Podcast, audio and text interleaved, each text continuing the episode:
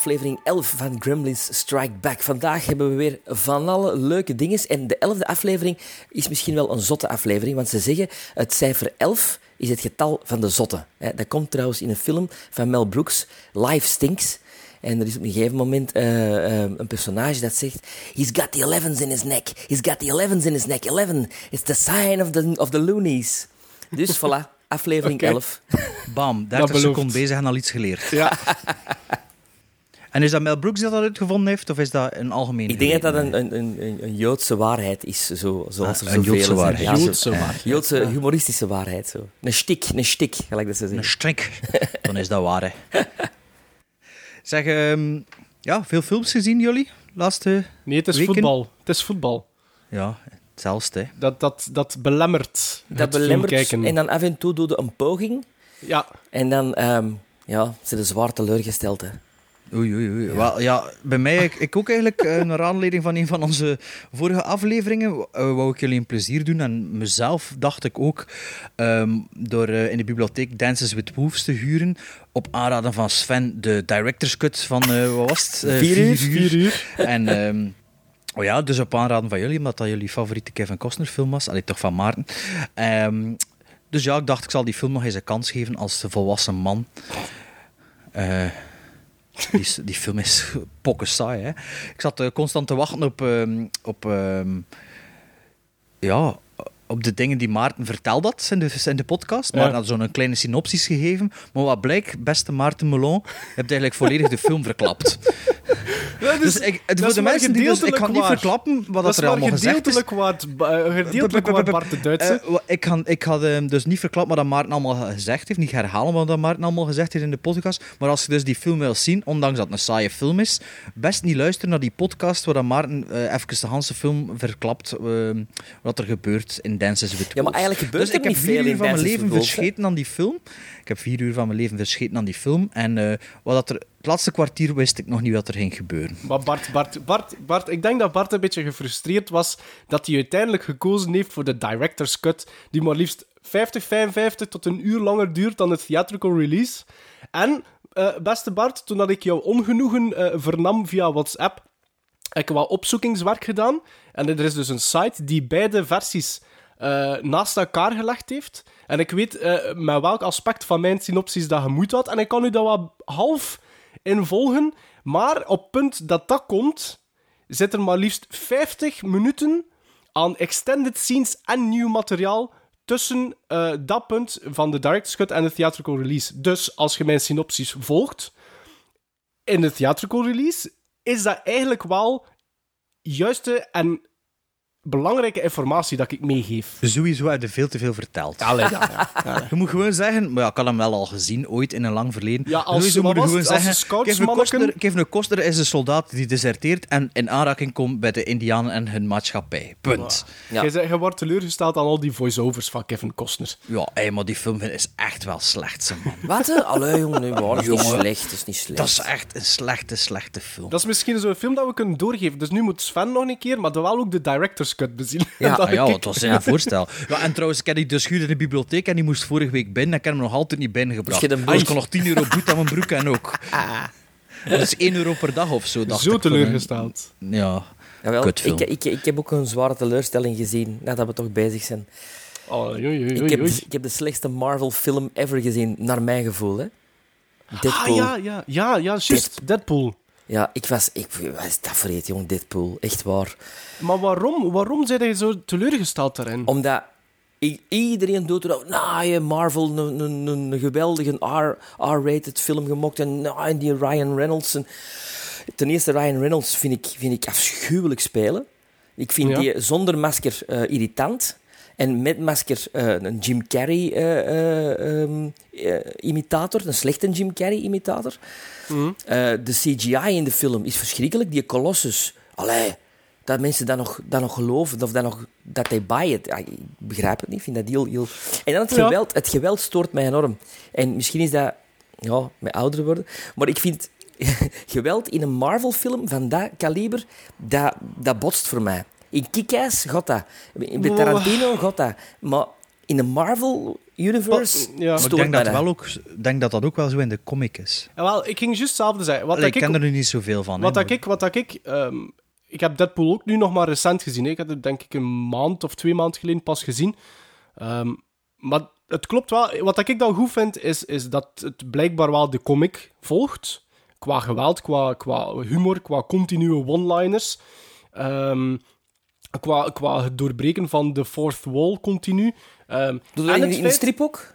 Blijkbaar. En Ja, het blijkbaar feit, en het ja. feit dat dat R-rated is. En dat vond- moet ik nu eerlijk zeggen, vind ik wel eens aangenaam. Ja. ja. Ja, Allee, ik ja. Stoort dat vond, bij Marvel. Mijn grootste probleem dat ik had met de Deadpool was dat eigenlijk gewoon eh, voor de rest het redelijk klassieke verhaal volgt Ja. van hup, hup, hup, en dan een eindgevecht. En, allee, en dat vond ik een beetje jammer. Maar dat, ik dat, vond- eh, ik dat, vond- ze, dat, dat ze daar niets anders mee gedaan hebben. Ik, ik zou Deadpool ook niet meer geven dan een 3 op 5 of zoiets. Hè. Allee, ik weet van dat dat voor u wel waarschijnlijk veel te hoog is, maar het is nu ook niet... eh, er is heel veel om te doen geweest en voor mij heeft die film dat niet allemaal waargemaakt. Maar ik vond het inderdaad, zoals dat Bart het zegt, wel wat verfrissend. For a change. Ik vond Ant-Man en Guardians of the Galaxy veel verfrissender dan dit. Persoonlijk. Ja. Ja, Guardians of the Galaxy zeker. Hè. Ja, maar dat is ook zo, allee, dat, dat, dat constant eh, name-dropping van... van ja. dat, dat stoort De referenties mij, eigenlijk. Dat stoort mij dat je naar echte acteurs refereert, terwijl dat je ook met een Ryan Reynolds er zit. Dat, is, dat, dat stoort mij in alles trouwens. Dat, dat, dat, is, dat is zo... Die, die, eh, die dubbele dingen van... van be- je hebt een bekende acteur die een personage speelt, maar die dan wel over andere acteurs klapt. Dan, ja, dan, dan Ja. zit ik niet meer mee. Dan ben ik er volledig uitgetrokken. Dus, dus Tank Girl vond ik ook heel slecht. Tank Girl. My god. Echt. Hoe lang is het geleden dat we die gezien? Goh. Dat is met... Hoe heet ze nou weer? Laurie, Laurie Petty. hè? Laurie Pitty. Ja, ja, ik heb die soundtrack nog. Is het echt? Ja, ja. Daar doet zij dat ook. Zij spreekt dan ook altijd de kijker aan en, en praat in de camera. dat is nog iets anders, de fourth wall breken, dan effectief popcultuurreferenties. Dat, eh, dat vooral. Dus dat Ja. is vooral... eh, Als je zo die magazines zit met Burt Reynolds zelf op de hoes, zeker? Ehm, nee, niet Burt Reynolds, Ryan. die weer? Ryan... Re- Re- ah, de eh, heel die intro-sequentie. eh, is dat niet achter een kwartier of zo? Dat dat, maar dacht dat je dat in zo van die glossy magazines, waar dat hij op de voorpagina Ja, staat. ja. Als zichzelf en zo, hè. Ja. Ik heb het Ja, er niet mee. Ik heb het er niet. Dat, dat trekt mij uit het verhaal en dan, dan geloof ik het niet meer. En dan ja, denk ik van, oké, ik ga nog blijven. Dan, ik heb het in fast forward gezien, het een half uur, omdat ik zoiets had van... pff. En dan, helemaal op het einde denk ik, oké, na de endcredits een goede Marvel easter egg. Ja, allee, dan is het gewoon Ferris Bueller Day Off op het einde. Ja, zelfs, zelfs, zelfs met de muziek, hè. Zelfs met de... Met de tjaka. Ja, ja, ja. ja, ja, Met, de- met dezelfde kostuum, Ja. allee, zelfs de art direction Ja. ook en zo. Hè. Ja. Ik, ik, ik was ook wel semi-teleurgesteld. Zelfs in die mate dat voor mij hoeft er geen sequel te komen ook. Nee, laat liefst- dat, liefst laat dat dan gewoon een, een alleenstaand iets zijn. Wat dat voor mij toch redelijk gewerkt heeft. Maar daar hoeft geen vervolg meer aan gebreid te worden. Maar dat komt toch, sowieso. Ja, Ja, ja, heet ja. de regisseur? Tim, Tim, Miller? Tim Miller? Ja. Ik weet het niet zeker. Ik weet het niet zeker. Die Ja, mag van mij eens gewoon lunchen met Zack Snyder. Oké, ja, misschien eh, is het tijd van man onze podcast te beginnen. Ja. Ja. Ja, maar, maar misschien nog voor, voor, voor, voor dat het eerste bumper kunnen eraan zit te komen. Ehm, eh, heeft Ja, de- zit in uw nek te hijgen, hè, die, die bumpers. Ja, de bumper zit, zit hier. Ehm, eh, eh, misschien nog zeggen dat eh, onze PR-machine in gang geschoten is. Eh allee, Bart zijn PR-machine is in gang geschoten. Eh, wij beschikken nu over flyertjes en postertjes van Gremlin Strike Back. Allee, meer flyertjes dan postertjes. Ehm, Men er enorm veel. ja, de- ik denk dat, dat Bart dat, dat eigenlijk aan begonnen is na zijn teleurstelling van Dance St. Wolves. Hè, want hij ging het is bijna... zo lelijk, of wat? Hij ging, nee, hij ging bijna door het leven gaan als, als Grumpy Gremlin en wandelde al een Bompa Gremlin. Ja. Dus eh, Bart zegt van, ik ga hier iets positiefs eh eh, eh, draai aan doen voor de podcast. Dus als er mensen zijn die, die, die, die plaatsen weten waar dan onze flyers eh, op zijn plaats zou zijn en waar dat er eh, potentiële luisteraars zijn, eh, jullie mogen ons altijd contacteren via gremlinstrikeback.gmail.com of Facebook of Twitter of Instagram of whatever. En, en dan kunnen we jullie wat flyertjes bezorgen eventueel. Hè. Ehm, we doen dat deels ook omdat we gemerkt hebben dat ehm, het aantal hits per aflevering van, van de podcast is ja, een klein beetje gedaald. Zeg ik dat juist, Bart? Klein beetje? Klein beetje, het is dramatisch. Wow, zo dramatisch is het niet. De eerste aflevering 6.000, 7.000 luisteraars en nu amper een fractie ervan. Zo erg is het dus. Maar toch doen we door. Nee, nee, nee, er is, er is wat minder. Allee, ik heb gezien dat er... ehm, had wel verwacht na een twee, drie Ja. afleveringen dat het wel ging minderen. Maar zo de laatste paar afleveringen is precies echt wel een pak minder. Ik weet niet of dat, met wat dat te maken heeft. Ik denk dat met deels, de, met deels de ook... inhoud, met, de, met, met weer, met de Maar ja, deels ook omdat dat we stagnatie. Ja. Deels ook, denk ik, omdat we nu met, met eh, echte subscriptions werken via iTunes en Stitcher ook, denk ik. Ik denk dat we een, eenmaal dat, dat we... Is toch al van in het begin zo? Ja, maar de eerste aflevering denk ik dat er meer via Soundcloud geluisterd is, om toch te ontdekken en dan pas een subscription aan te gaan via iTunes. Ik denk dat dat er misschien ook mee te maken heeft. Nu, whatever. Zo kunnen. Ehm, fans van het eerste uur, of nieuwe fans, als jullie ons willen helpen om ons bereik te, te, te, te verbreden, kunnen jullie dus ofwel opteren voor flyers, maar nog misschien iets minder ehm, energievolle eh, ding dat je kunt doen, is, is op Facebook eh, wat reclame Ja, maken voor doeltreffender ook waarschijnlijk. Ja, doeltreffender. Is op Facebook delen. een keer eh, ja, wat delen, of, of, of laat ons een keer eh, vallen in een post van jullie. Eh, Ja, en, als er dingen zijn dat jullie echt zeggen van ja, na, na dit of dat was ik echt bijna afgehakt, laat het maar weten. Hè. Ehm, We zullen er- waarschijnlijk niet veel van aantrekken, maar hè, Het zal waarschijnlijk toch. vooral over de inhoud van Bart gaan, maar daar zijn we ons op voorbereid. Of Maarten die alle films verklapt. Hè. Ja. Misschien hadden ze al vijf afleveringen wat films gezien dat Maarten over gebabbeld heeft. Ja. En eh, was ze van ja, fuck, die film heb ik al heel gehoord. Of Sven die alles afzet. Daar heeft er niemand last van. Hè. Sven, Sven is ofwel afzetten ofwel vastvoeren. Ja, als het niet goed is. Hè. Zeg, ik ben ook eh, nog even meegegeven, ben ook ons eerste eh, Gremlin Strike Back feest gegeven. Juist. Ehm, dus eh, er was, ehm, Sven heeft voor de eerste keer Maarten in het echt gezien. Ehm hij wist niet dat Maarten een meter 50 was. dus dat was even schrikken voor Sven.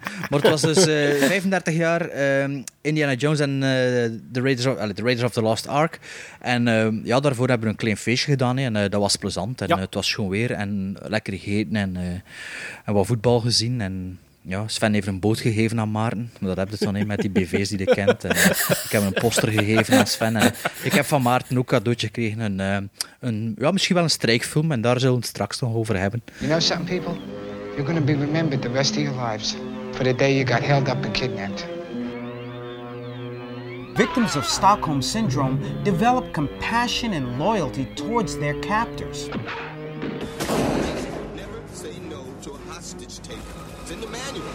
We doen nog eens eh, een Stockholm-syndroom. Eh, hiervoor hadden we twee keer Roll the Dice gedaan, dus was het tijd om nog een keer dit segment van onder het stof te halen. Er Ehm, lag nog niet zoveel stof op. Nee, nee, nee, nee. We hebben het, Klein moesten niet echt kuisen. Ehm, dus eh, ieder van ons eh, moest twee films zien. En eh, we zullen er maar direct in vliegen, hè, jongens. Mijn Yes. film was eh, een film uit 1928. Dus het was de eerste keer dat we een silent film, of dat ik een silent film aan jullie gaf voor Stockholm. Ehm, eh, genaamd The Man Who Loves. Ehm, misschien in het kort. Eh, Bart, heel in, het kort, In het ja, kort. in het kort, ja, ja, Ehm, ja. Het, het vertelt het verhaal van, van eigenlijk een jongen, Gwynplaine, die door zigeuners verminkt wordt en daardoor een eeuwige grijns op zijn gelaat heeft. Eh, die jongen wordt gevonden en opgevoed door een zekere... eh, nu moet ik even Ursus. denken... Ursus. Ursus, die eigenlijk zo'n rondtrekkende artiest is. Met zijn En- hond Homo. Met zijn hond Homo. Eigenlijk ook En, een beetje eh, een, een soort priesterfiguur ook. Hè. Ja, en, en, en, en jaren later wordt die Gwynplaine eigenlijk een, een, een ja, een, een, een, een- hoe zou ik het zeggen, een, een bekende artiest omwille van die grijns. Hè. Dus hij wordt eigenlijk een bekende clown. Ehm, maar dan blijkt natuurlijk dat hij wel een historie met zich meedraagt. En dat komt dan allemaal tot uiting. Ehm, maar ja, kijk, de eerste silent movie. Ehm, ik ben benieuwd. Ik ben be- echt benieuwd naar wat dat jullie ervan vonden. Wie begint er? Sven, Sven, begin begint. Het is van uw tijd, hè, die film. Ja, 28 het is dat. Wel, ehm, Maarten, merci voor deze film. Ah, yes. Ik vond het fantastisch. Dank u. Ik vond het fantastisch. Ik vond het een... eh, het, het, het geeft mij meer zin om dat soort films eh, nu te ontdekken en, en te gaan zien. Want wat dat mij enorm opviel, is dat er enorm veel inspiratie van andere regisseurs uit die film komen. Eh, ik heb dingen gezien uit Raiders of the Lost Ark. Ik heb dingen gezien uit, uit Empire Strikes Back. Ja? Ik heb dingen gezien uit Back to the Future. Onder andere Ja? die een Ursus. Dat is Doc Brown. Ja? Daar heeft Ja? Christopher Lloyd zich volgens mij volledig op gebaseerd qua haar. Die lange sjaal over die, Haar, over ja, die ja, jas. ja. Zelfs de flux capacitor komt erin. In, in het raampje van Ursus, van ze- dat hem open doet. Dat is hetzelfde eh, eh, symbool als de flux capacitor echt? van Back Is to the? Future. Heb ik niet Niet opgelet? gezien. Ja, ja. En zelfs Gene Wilder, eh eh Young Frankenstein-toestanden komen erin. Eh, ja, ik vond, het, ik vond het fantastisch. Ik vond het een, een, een, eh, beklijvend verhaal. Het is eh, ontroerend bij momenten. Ja. Het is eh, tragisch. Het is eh, avontuurlijk. Het is spannend. Het, het heeft horror. Het- het- ja, ik, ik ben, er, ben, er, ben er wild van, van die film. Ah, ik ben echt blij. Ik wil hem nog eens zien, omdat er zoveel op, op je afkomt. Waaronder ook de fantastische muziek. Want natuurlijk, bij een silent movie hoort geweldige muziek Absoluut. Volledig weggeblazen door deze film eigenlijk. Ja. En, en vooral door de, de eh, Conrad Vane zijn, zijn eh, prestatie, maar ook degene die de jester speelt, dus die de, de nar Mark speelt. Pedro, ja. ja, ja. Fantastisch. Waar, Dat is een zekere Brandon Hurst. Ah, geweldig, ja. Dat is Ja. die verrader, zo gezegd. Die heeft, een, die heeft een serieuze mimiek, hè? Ja, maar Ja. dat is ongelooflijk. En dat stoort, weet je, het stoort ook bij geen Nee. momenten dat, dat, dat dat er allemaal zo over is. Maar dat hoort ook een beetje bij, dat hoort ook bij een silent movie natuurlijk, hè? Maar dat hoort een beetje bij de tijd ook, Ja. hè, natuurlijk. Ja, de- maar ik vind dat het je- acteren, dat is nog voor, eh, voor noemt hij weer, Dostoevsky. Allee, dat is de, je ziet dat wel. eh, of noemt Ja. hij? Eisenstein. Nee. Nee, de, eh, allee, niet Dostoevsky, de, de Russische acteur, dingen, Marlon Brando. eh Stanislavski. Stanislavski, Ja. ja. ja, ja. Ah, wel, Dus- maar ja, oké, maar, maar soms, als je het met geluid dan hoort, die grote eh eh acteerprestaties, hè, vlak na de silent movie. De talkies, ja. ja, ja, ja. de eerste talk is dat zo van oeh, oeh. Hè, maar hier stoort dat niet, omdat je het niet hoort. Hè. Ja, klopt. Wel, maar, dat bedoel ik, maar nog pre, pre-Stanislavski eigenlijk. eh, maar wat dat bijvoorbeeld een, een, een, een, de, de Man Who Laughs een goede film maakt, is dat er eigenlijk... Er zit daar... eh, je hebt dat bijvoorbeeld die Conrad Veidt, dat, een, een, een Duits... ehm, eh, er zijn er, er zijn er, die heeft bijvoorbeeld eh, probleemloos de overstap gemaakt naar de talkies. Ik heb dat ook met een Olga Baklanova, die de, de, de, de valse Duchess speelt, de, Dutchess, gravin. ja, ja. Ehm, die heeft ook perfect de overstap nog kunnen maken naar de talkies. En je voelt dat ook. Dat zij, er zitten daar acteurs in die zo steengoed zijn. En dat is een van de sterke punten. Die, die, je voelt dat ook. Die hebben heel veel in hun mars. Ehm, en ik vind dat je dat duidelijk voelt doorheen Ja. de film. Niet te vergeten, 1928, The Man Who Laughs, een film van ehm, bijna twee uur. Hè, een uur Ja, en vijftig. onder, ja, onder en tien minuten of zo. Maar je ziet Ja. geboeid. Allee, ik zat geboeid te zien van begin tot einde. Dat is precies zo. Ik had het gevoel, of ik was de, voor de eerste keer naar een film ontzien, omdat het ook een genre is dat ik niet zo goed Ja. ken. Ja, wel, dat ging ik- ik vragen, ja. Het was een ontdekking voor mij van wow, wow, wow, wow, wow, wat is dat allemaal? Zo, ja, een, bijna een stripboek, bijna een, een, ja. Ja. een schilderij. En elk Ja. beeld is ook zo prachtig belicht en, en, en, en decors. Allee, ja, top. Ik kan het niet aan zeggen. Top. Bart, Maar ander- Bart, ander- nu ben ik benieuwd, Bart. Nee, ehm, ja. Ik heb die film in, in een paar etappes gezien. Ja. Ehm, door omstandigheden, door de voetbal, door... ehm, ja, door misschien ook wel wat moeite om, om aandacht erop te houden. Ehm, ik, ben, allee, ik ben een liefhebber van alles van film sowieso, eh, arthouse of niet, ehm, old, old, nieuw. eh, als ik het goed vind, vind ik het goed en ik geef alles een kans. Ja. En dus niet dat ik met een, met een gesloten of dat ik er tegenop zag om die film te zien. Ehm, ja, ik ben beginnen kijken, maar het grootste probleem was ook wel weer een beetje dat ik al te veel wist op voorhand wat dat er, hoe dat zat en wat dat er ging gebeuren. Ehm, Hetgeen dat, ik, dat ik de vorige keer zei, dat gebeurde in het eerste kwartier. Ah, wel, ja, maar dat bedoel ik. Ik heb liever een film dat ik er begin naartoe te zien en dat ik het zo ontdek dan dat ik eerst een kwartier al weet wat er allemaal zal zitten. Maar dat is persoonlijk, hè. Ja. En ehm, dus ja, als ik dan de eerste keer maar een half uur kon zien, dan kan ik wel... Allee, ja. Dus het was een beetje... Door de omstandigheden heb ik er niet volledig van kunnen genieten. Maar aan de andere kant denk ik ook niet dat ik hem in één keer volledig zou uitgezien hebben. Omdat ik ja, ik vond het wel wel lang voor een, een, eh, een stomme film. Allee, het is natuurlijk ook een film van bijna 100 jaar oud. Je kunt... ehm, het is, allemaal, het is maar een klein verhaaltje op zich. Hè. En er zitten, er zitten wel ehm, wat twists in en zo. Maar het zou voor mij perfecter, allee, beter geweest zijn als een film van rond een uur geweest was. Dat allemaal oh, nee, iets dat, rapper ja, nee, dat, dat niet. Want soms is zo, ja, bijvoorbeeld, het begin van een scène weten al wat er op het einde, allee, hoe dat in elkaar gaat zitten en zo. En duurt dan nog lang voordat het zover is, gewoon omdat dat ja, een, een oudere film is. En Maar er is ook Dat zoveel van soms te zien ondertussen, Ja. vind ik. Zo kostuums, Ja. eh, decors, muziek. ik kan, snappen, ik kan snappen dat je bijvoorbeeld zegt van... er zou 20 minuten vanaf kunnen, maar dan te zeggen van we gaan van een uur 50 naar een uur, nee, dat denk ik niet dat dat zou werken. Dat, eh, ik denk dat dat te sterk zou ingekort Like, geweest so- zijn. sommige van, hun, van, hun, de, de, allee, van het spel, zo, allee, van het eh, theater, Ja? dat zou allemaal wat compacter mogen zijn. En allee, dat komt ook twee keer terug, zeker, of drie keer terug. En allee, dat heb je nu, anno 2016, ook allemaal niet meer nodig om die personages te situeren en te schetsen en te kenmerken. Zo. Dat is waar, maar in zijn tijd denk ik dat dat... Ja, maar ja, ja. eh, Dus, dus, het is, maar het is niet omdat het in die tijd zo was dat ik nu.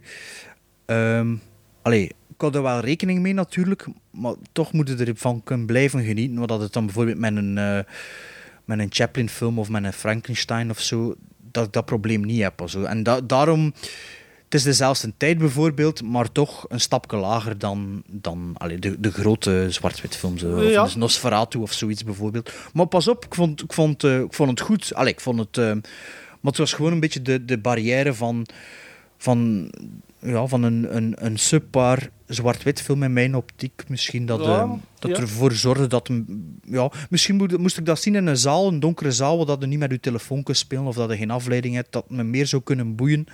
Maar ik- was niet teleurgesteld, het was eigenlijk een beetje like dat ik verwacht had. Wat voor mij hoort eigenlijk de man Laughs, voor mij, voor mij hoort hij eigenlijk bij, bij de top van silent movies. Ik, ik, ik, ik, ik durf die wel, als ik een top 10 zou moeten maken, zit inderdaad een, een Nosferatu zit daartussen, een Frankenstein. Ehm, ehm, Frankenstein niet meer. eh, Frankenstein is al een talk, hè? ja, ja, ja. eh, Ja. Nosferatu, The Cabinet Dracula, of Dr. Dr. Caligari, dingen zoals dat. Maar zit, zit, eh, zit, zit, zit de Man Who daar zeker tussen. Ja. Ik vind het echt wel een goede film. Ja, ik ook. Ben, ik was Oké, volledig mee.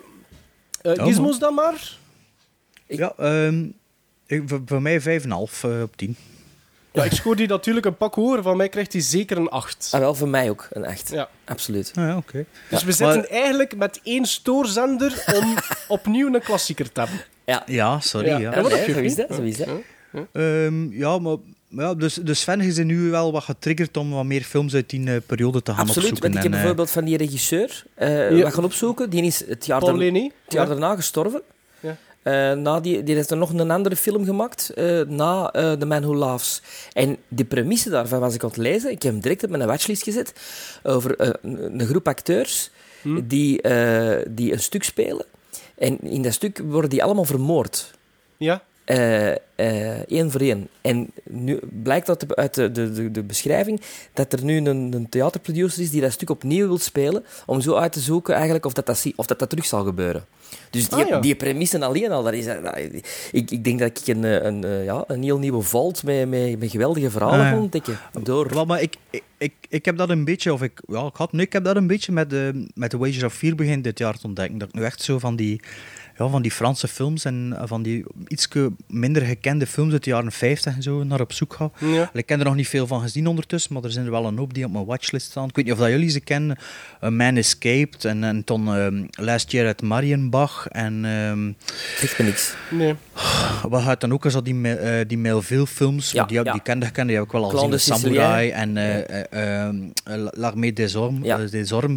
Ombres, allee, Army of Darkness, Army of Shadows en, en zo die films. Cercle En- Rouge ook, geloof ik. Sterker Rouge en ja, die heb ik nog niet gezien. Maar dus al die films zit ik nu zo'n beetje aan het, aan het Ah, ja. zoeken en aan het watchlisten. En, Als je, als, je, als je van dezelfde Sven nog één wilt zien, eh, heeft hij ook de, de eerste versie van The Cat and the Canary gemaakt. Ja, dat In ik ook staan. 27. In zijn, in, ja, in zijn, Dus maar dat, is zeker, dat, is, dat is zeker ook een aanrader.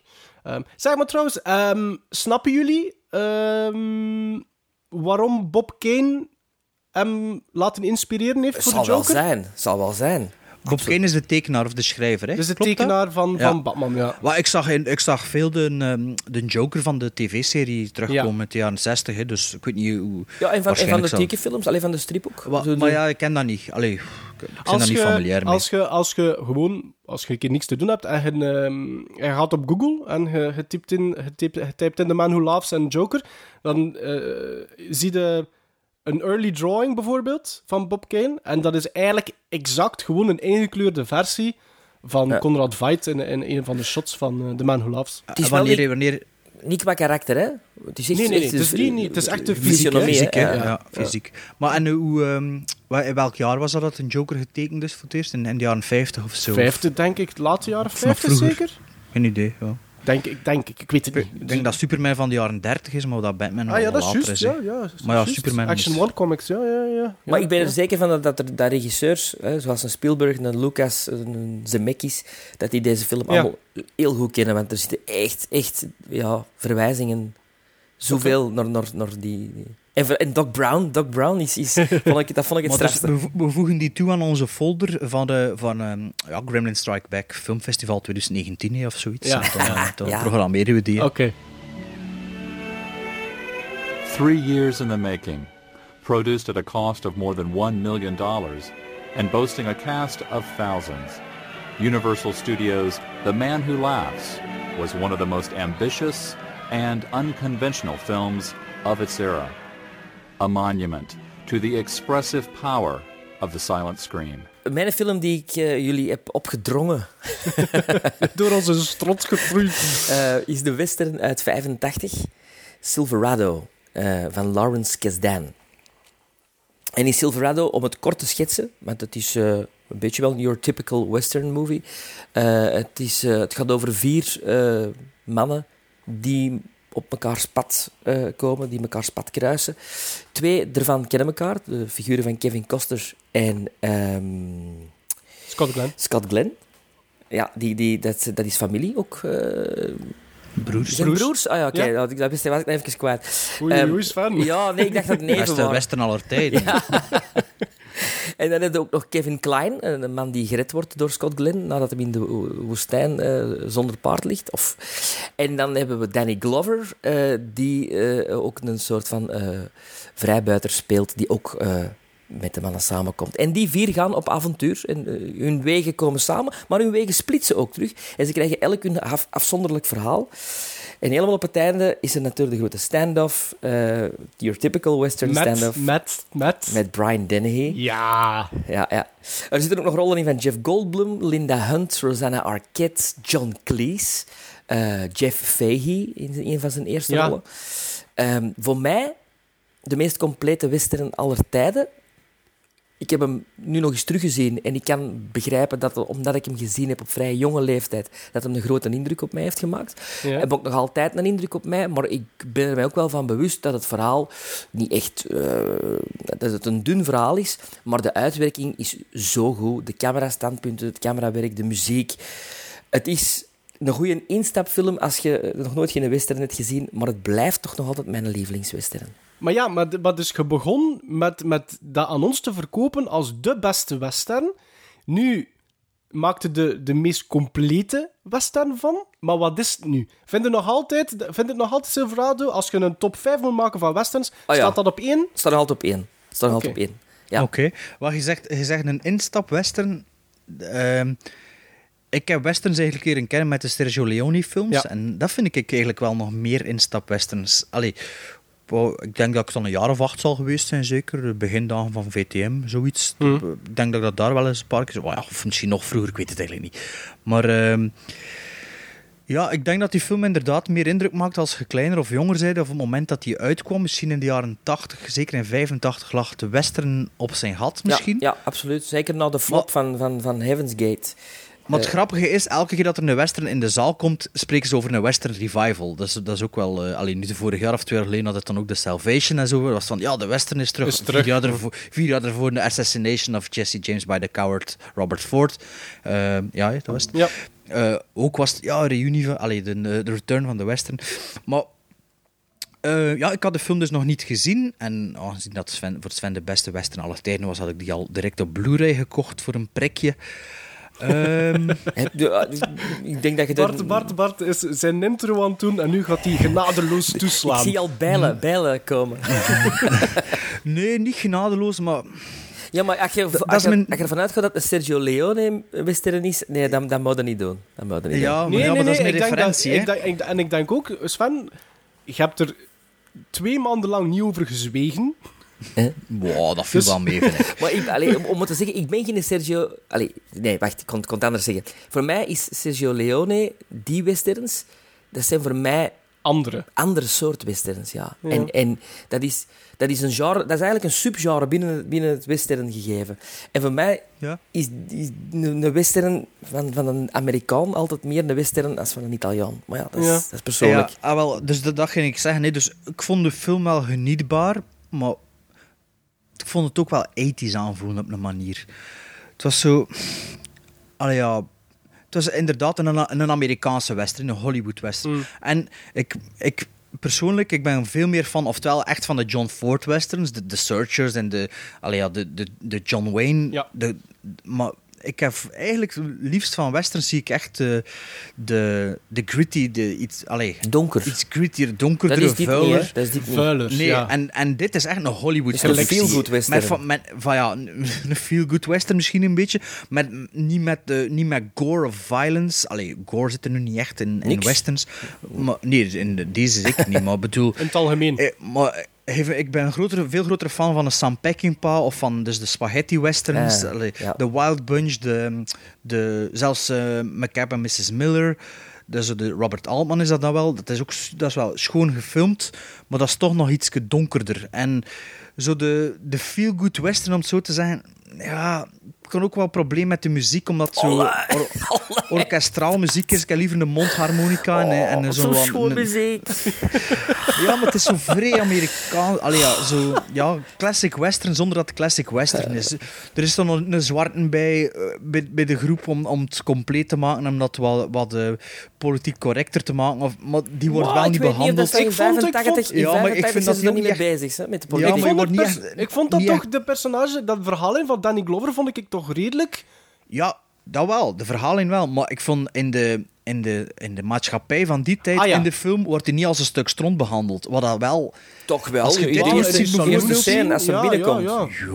Ja, ik vond... Er werd geen ene keer nigger tegen hem gezegd. maar dat was in 85 not done nog niet in een mainstream film. Allee, ja. Ja, juist Dus wel, denk ik. dus dat denk ik niet. Ik denk dat dat nu veel meer... Allee, we zullen het er zo beter over hebben.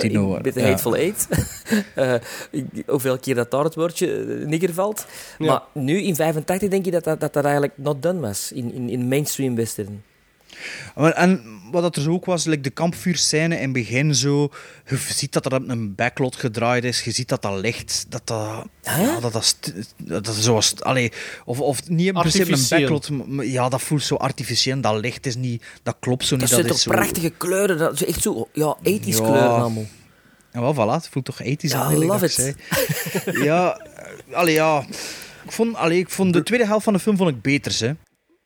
Ja, Allee, dat- dan, dat- wanneer dat, maar oh, like ook in het begin, wanneer dat Kevin Klein dan zo in dat dorp komt, dan zit, zit zo wat flauwe humor in ook. En ja, ik heb liever een western zonder humor. Ja. Allee, of Allee. Tarantino. Maar dan, is het, dan, dan gaat het hem inderdaad over wat voor type western je het liefst. Ja, Want ik ja. denk inderdaad, als je erover nadenkt, zijn er heel veel verschillende soorten westerns dat je kunt maken eigenlijk. hè.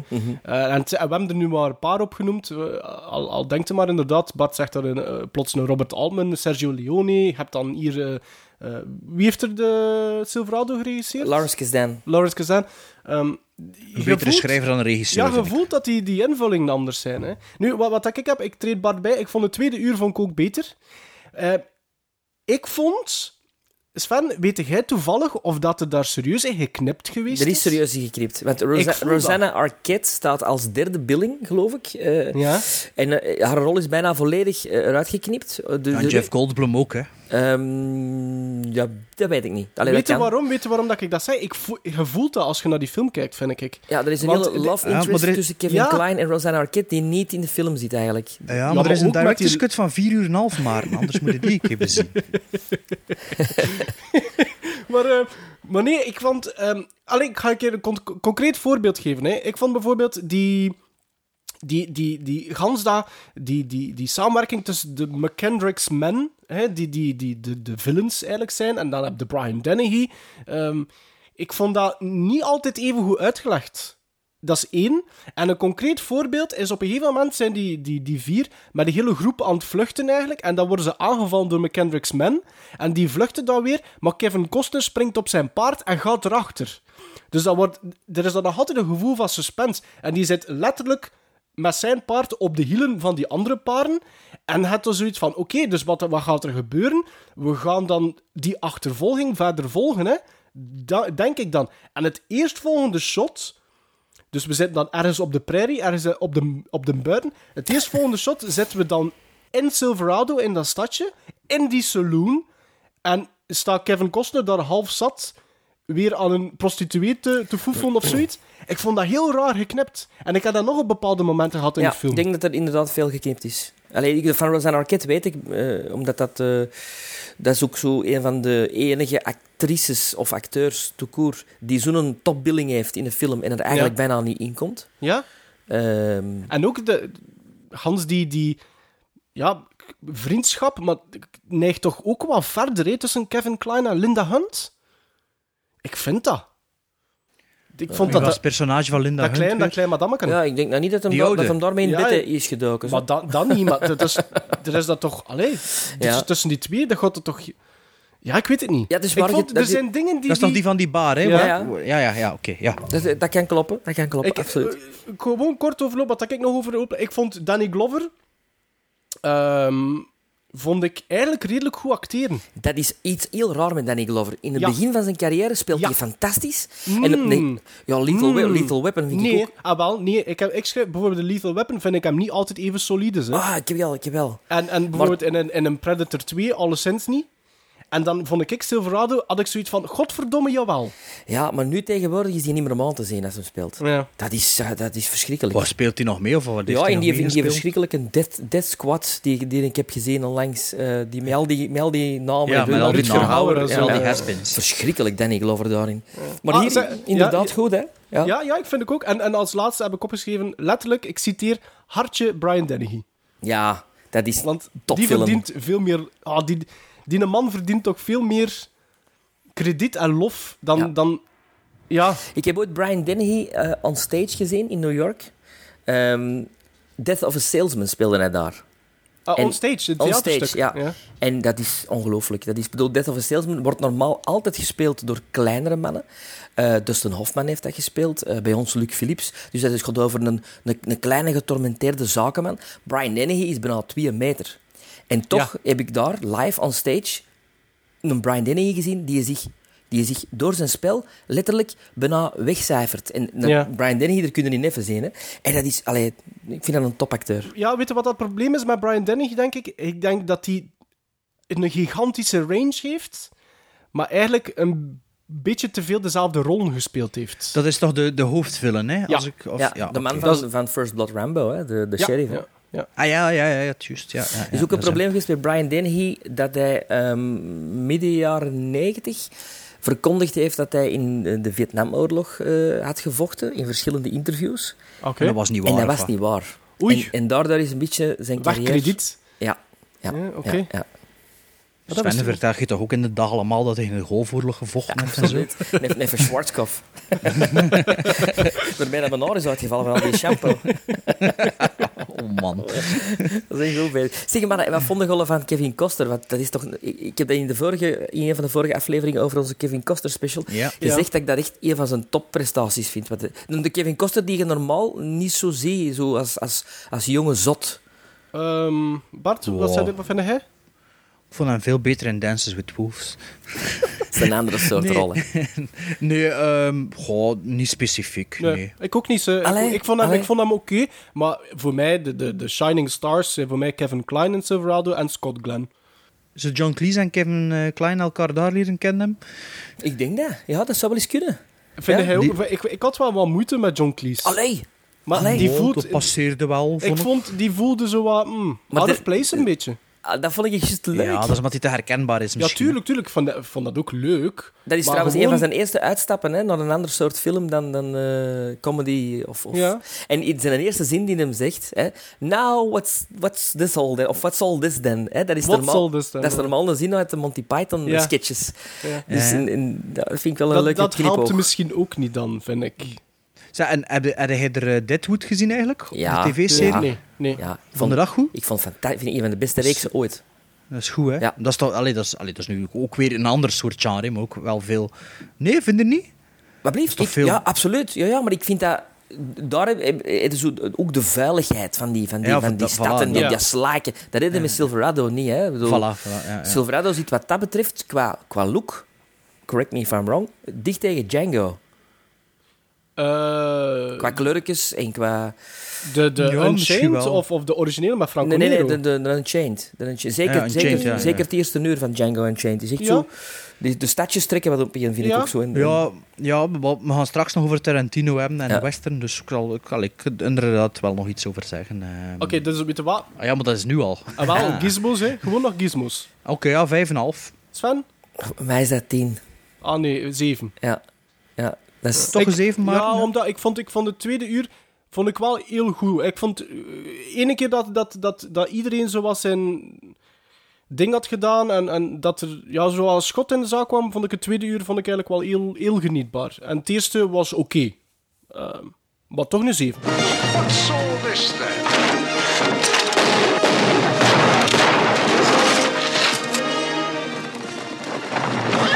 You're wearing my hat. What else you got that's mine? Don't want to kill you and you don't want to be dead. You can't be that good. We hadden het net al aangekondigd. eh, de derde film dat we voor Stockholm Syndroom, dat ik jullie toegewezen had, was de, de laatste van Quentin Tarantino. De ninth film bij Quentin Tarantino.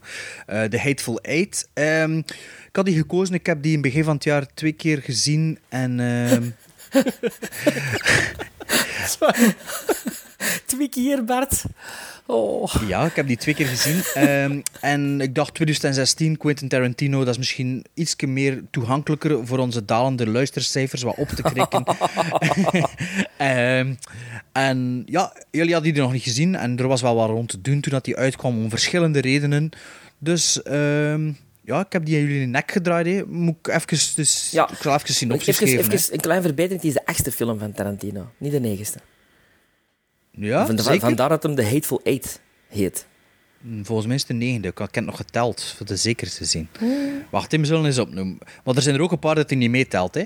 Dus één is Reservoir Dogs. Ja. Ja, Pulp Twee Fiction. Pulp Fiction. Pulp Fiction. Jackie Brown. Ja, eh, Kill Bill 1 Ja. is 4. Kill Bill 2 is 5. ja. En dan ehm Dead Proof? Nee, zit er nog iets tussen? Nee, nee, Dead Proof. Dead Proof is 6. Inglorious. Inglourious Ah, Basterds is Django? 7. Django is 8. Waarom komt er dan op de, op de generiek de Eight film? De, is- komt er de Ninth film? Nee, de ninth film is dat er. Ah, maar je doet dat altijd, hè. Allee, bij die dan toch wel Ja. deel met de wereld dat hij die gemaakt heeft. Ik dacht ook dat het ninth was, hè. Oké. Wel, maar het klopt toch, met juist geteld. Ja. Ah ja, voilà. Dus de Hateful Nine, van, eh, de, de achtste film van eh, Quentin Tarantino. Dus de tweede western na Django Unchained. Het had dus over een groep ehm, mensen... ehm ja, goh, verschil... goh, hoe moet ik dat nu zeggen? Ehm, Een zootje ongeregeld. een zootje ongeregeld die samenkomt in een, ehm, in een hut, omdat ze moeten schuilen voor een, eh, een sneeuwstorm. hè. En, ehm. Maar ja, moet je dat toch niet vertellen? Iedereen weet toch waarover dat die film gaat, hè? Niet? Ja, we mogen hem ook niet, niet te veel vertellen, denk ik. Hè? Want er Ja, het enige wat dat je wel Wa- kunt wa- zeggen- Ah, ja, maar wacht, wacht, ik heb het opgeschreven. Het is juist kan Ah, ik ah, een pak uw voorbereiding. pak uw bladje. Kom een bladje, wacht. Het verhaal speelt, een paar jaar na de Amerika speelt zich af een paar jaar na de Amerikaanse burgeroorlog en gaat over twee premierjagers die met een post, post, post, postkoets... De poetsier poetst de postkoets. Wat zie ik er aan? Ah, Het woord post, postkoets kan ooit geweest zijn dat geen moeten gebruiken, maar hier is die dus toch. Dus het gaat over twee mannen die met een koets door Wyoming reizen en ergens aankloppen om te mogen schuilen tegen een sneeuwstorm. Zo komen acht personen samen die elk wel iets te verbergen hebben. Ja. Dus dat, eh, Maar, dat- eh, ik vind wel dat je er nog bij mocht zeggen, dus dat... dat, dat, dat eh, hier dat- gaat weer verklappen. Nee, nee, eh, nee, nee, nee, nee. Nee. Ja, Ik vind wel. wel dat je er moet bij zeggen dat, dat, dat, dat belangrijk is dat er een vrouw... ehm, Ah ja, dat heb ik niet gezegd. ah ja, dus, dus eigenlijk belangrijk is dat, dat- die, die ene premiejaar is op weg naar een stadje voor zijn geld te innen van, Van een- een... bandiete, een vrouw. Ja. Eh, Ja, en- die- en dat, ja. dat, dat moet er wel erbij zeggen, denk Ja, ik. die, die wel laten leven, omdat dat zijn eh, principe is, Ja. inderdaad. Ja, ja. ja dus ja, eh, na deze fantastische synopsis, wat vonden jullie ervan? Ah, Sven, Sven mag beginnen. of niet Sven? Of moet ik beginnen? Begint jij maar eens. ja. Oké, Ja. oké. Ehm, ja, het eerste dat ik opgeschreven heb aan The Hateful Eight is dat ik Sally Menke gemist heb. En wie is Sally Menke? Dat is de vaste monteuse. monteuse van Quentin Tarantino, die overleden is. Ehm, dus die kon natuurlijk niet meer met haar samenwerken. En ik vind dat je dat voelt aan The Hateful Eight. Heeft ze Django ook niet gemont... Niet, Ja, ja. Dat ze Django ook niet gedaan heeft. Tot, tot Django toch? Ik Ja, denk dat dat de ja, eerste film is... Ik zal bellen ondertussen. Ja, belde een keer. Eh, ik denk dat de hit van Eet de eerste film is dat Sally Menke niet gedaan heeft, niet gemonteerd heeft. Ik vond die montage vond ik zo wat raar. Zeker in het begin. Dus voordat ze in, in die hut, wat dat Bart noemen, mini minis haberdashery of zoiets. Ja, ehm, wat wil dat zeggen? Hebben dashery. Dat is zo pleisterplaats, maar wat wil dat zeggen? Weet je dat? Wauw, plaats voor een zootje ongeregeld. Hè. Ja, Pleisterplaats. Ja. Maar dat is zo'n een, een, een, een, een stopplaats. Een Een sto- stopplaats, ja. denk ik. Zo typisch als je onderweg bent, dat je daar even stopt. Ja, ja, dat, ja, dat weet ik wat dat Ah, maar voorstelt. ja, maar ja, maar, eh, voor de rest eh, denk ik dat je ja. daar niet veel meer moet eh achterzoeken. Maar eh, ik, ik heb dat gemist. Zeker, in- gelijk bijvoorbeeld die, die opening credits. Zo weinig shots dat er- dat is zo. Ik vond dat een beetje on-Tarantino-esk aanvoelen. En ik vond, we, we- we, zijn, we weten allemaal van Tarantino dat hij ellenlange dialogen hem, eh, heeft continu, maar dat die wel genietbaar zijn, om de, omwille van hoe dat ze neergeschreven zijn. Maar ik vond de omkadering ervan, vond ik zo wat anders dan anders. En ik, moet, ik heb mij moeten investeren, zeker, zeker tot het moment dat ze daartoe komen in die plaats. En ik mij wel, dat heeft mij energie gekost als kijker. Om, om zo te blijven niet volhouden, want ik zou hem sowieso blijven kijken. Hem. Maar ja, ik, dat is zo'n ander gevoel dat ik had als ik vergelijk met kijken naar andere Tarantino-films. Ik weet niet of dat jullie dat dan... Sven had dat ook, denk ik. Volledig, volledig. Ja, Ja. ik had dat ook.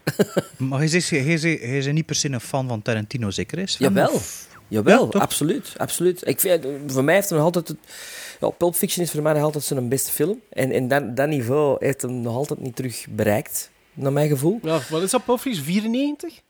Ja, ja ik moet ook zeggen, ik heb Pulp zeker. Fiction gezien voor Reservoir Dogs. Dus eigenlijk was Pulp Fiction mijn eerste kennismaking met, met, met Tarantino. En do- door die film was ik Van, van mij ook. hè. Van mij ook, van mij weggeblazen, weggeblazen gewoon. Ehm, Ja, Met, met Hateful Eight had ik eh, wel een paar problemen. Ehm, ik vond het eh, vooral... Nu, ik wist het niet dat, er- dat zijn vaste monteuse eh, gestorven is. ja, maar Django Unchained heeft ze ook niet gedaan. Ah, eh, het maar- opgezocht? nee, ja. ze, was, ja, ze was al overleden. Die ja. was dus heel jong gestorven, 50 of zo was die. Wat, Aan- om rotsklimmen of zo? nee, is nee, nee, aan die, de gevolgen van een zonnesteek, dacht ik. Heatstroke. Ah ja, die was aan het hiken, dus ik dacht dat hij gewoon Ah, gevallen was van de rots of zo. Maar... Maar dus Ah, Django echt? vond ik heel genietbaar. Vond ik, vond ik echt een topfilm van dat jaar trouwens. Maar met dit... Ja, er moet iemand eens tegen Tarantino zeggen dat hem, dat hem eh, ten eerste niet zoveel moet draaien. Eh, dat er moet, moet leren knippen in zijn dialogen, die nu wel veel te lang worden, vind ik. Ja. En ook, allee, bedoel, traag, traag, traag. En de, de trucjes van Tarantino, van, oh, we gaan het nog eens laten zien uit dat standpunt. Oh, wacht, wacht, wacht, dat is er niet echt gebeurd. Jackie Brown, all over again. Ja. Ehm, eh, ja, het, e- nee, ik, voor mij, ik, ik was heel hard teleurgesteld. Ik had er veel meer van verwacht. Het enige lichtpuntje vond ik Bruce Dern. Omdat ik dat een geweldige acteur altijd heb gevonden. En, en dat ik die nu zo leuk vond dat hij, dat eigenlijk een, een revival heeft met zijn carrière. En dat hij hier ook in een van zijn genres waar hij mee begonnen is, de western, Ja. ook een serieuze rol mag spelen. Ehm, Jennifer Jason Lee speelt heel, heel goed. Ja, welkom back zou ik zeggen. hè, Absoluut. Jennifer Jason Lee. Ja. Tim Roth, Tim Roth vind ik afgrijzelijk. Dat is gewoon Christopher Waltz. Dat is, je ziet dat Christopher Waltz dat kon, hè? moest spelen. En hij, had- hij imiteert gewoon Christopher Waltz. ja, en nochtans- trouwens, Christopher Waltz die volgens mij ook maar in iets kan spelen. Sorry, maar en nogthans, en nogthans, je ziet... Je ziet Tim Roth zijn muil, om het zo te zeggen. Hij had zoiets van, yes.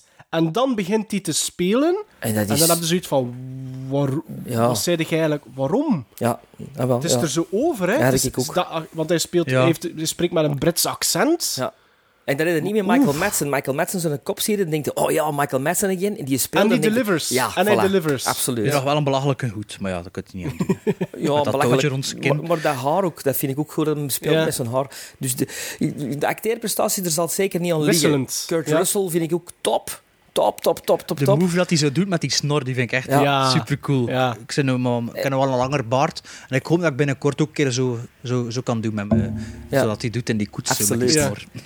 Samuel L. Jackson, been there, done that. Ah, ik, ik moet eerlijk zeggen, ik had opgeschreven eindelijk nog eens, voor mij, ik vond eindelijk nog niet eens een Samuel L. Jackson die goed was van begin tot eind. Ja, ik vond dat niet zo.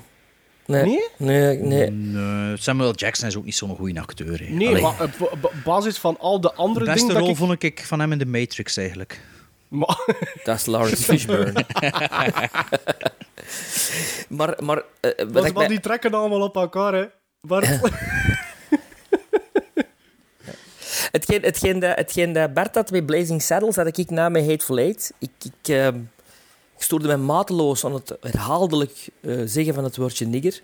maar daar was ook de controversie wat eh, door ontstaan. Zeker Ah, dat na wist ik release. zelfs niet. Dat wist ik- ja, maar met Django ook. Hè. Ja, Ja, met Django past dat nog meer in het verhaal. Ja, tuurlijk. Ja. omdat hier- hij slaaf was. Hier was eigenlijk. echt gratuit op een gegeven moment. Dat ik toch van mannetjes, joh, we Ja. weten het na een deur al wel.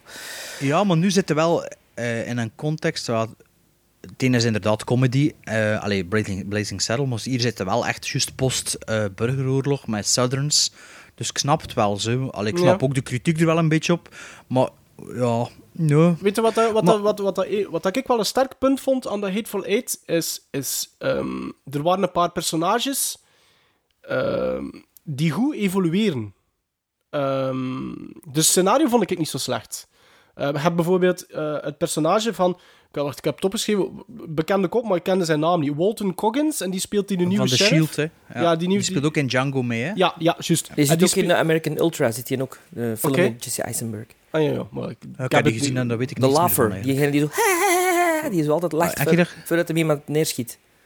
Maar Ik heb dat gezien, ik er vermijd redelijk gemakkelijk Ja. Jesse Eisenberg films. Oké, maar, maar, die, Ehm. maar die gast, ik weet niet zijn naam, die was wel goed, hè? Ah, wel. Wal- ik, vond, Walter, ik, ik eh, vond dat hij ja. een hele toffe evolutie. Want in het begin had ik zoiets, moest ik die niet hebben.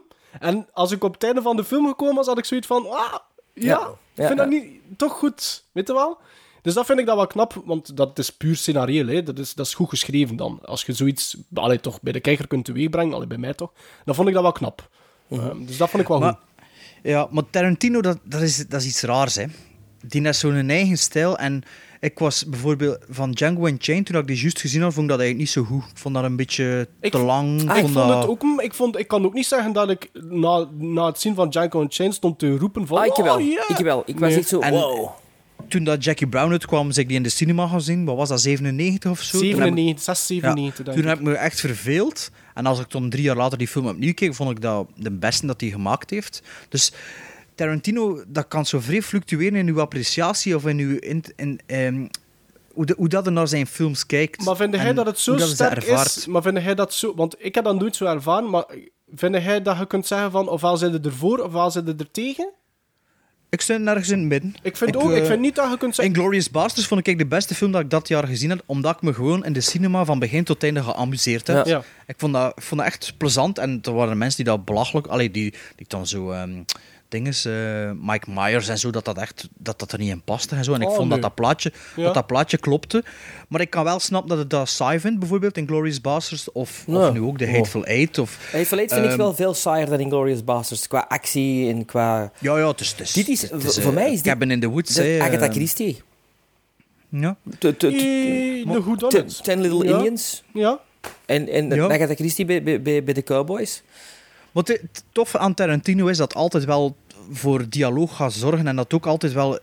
Het is film, hè? Het is geen tv dat hij maakt. Hè? En dat vind ik wel. Ja. Dat kan ik wel appreciëren aan hem ook.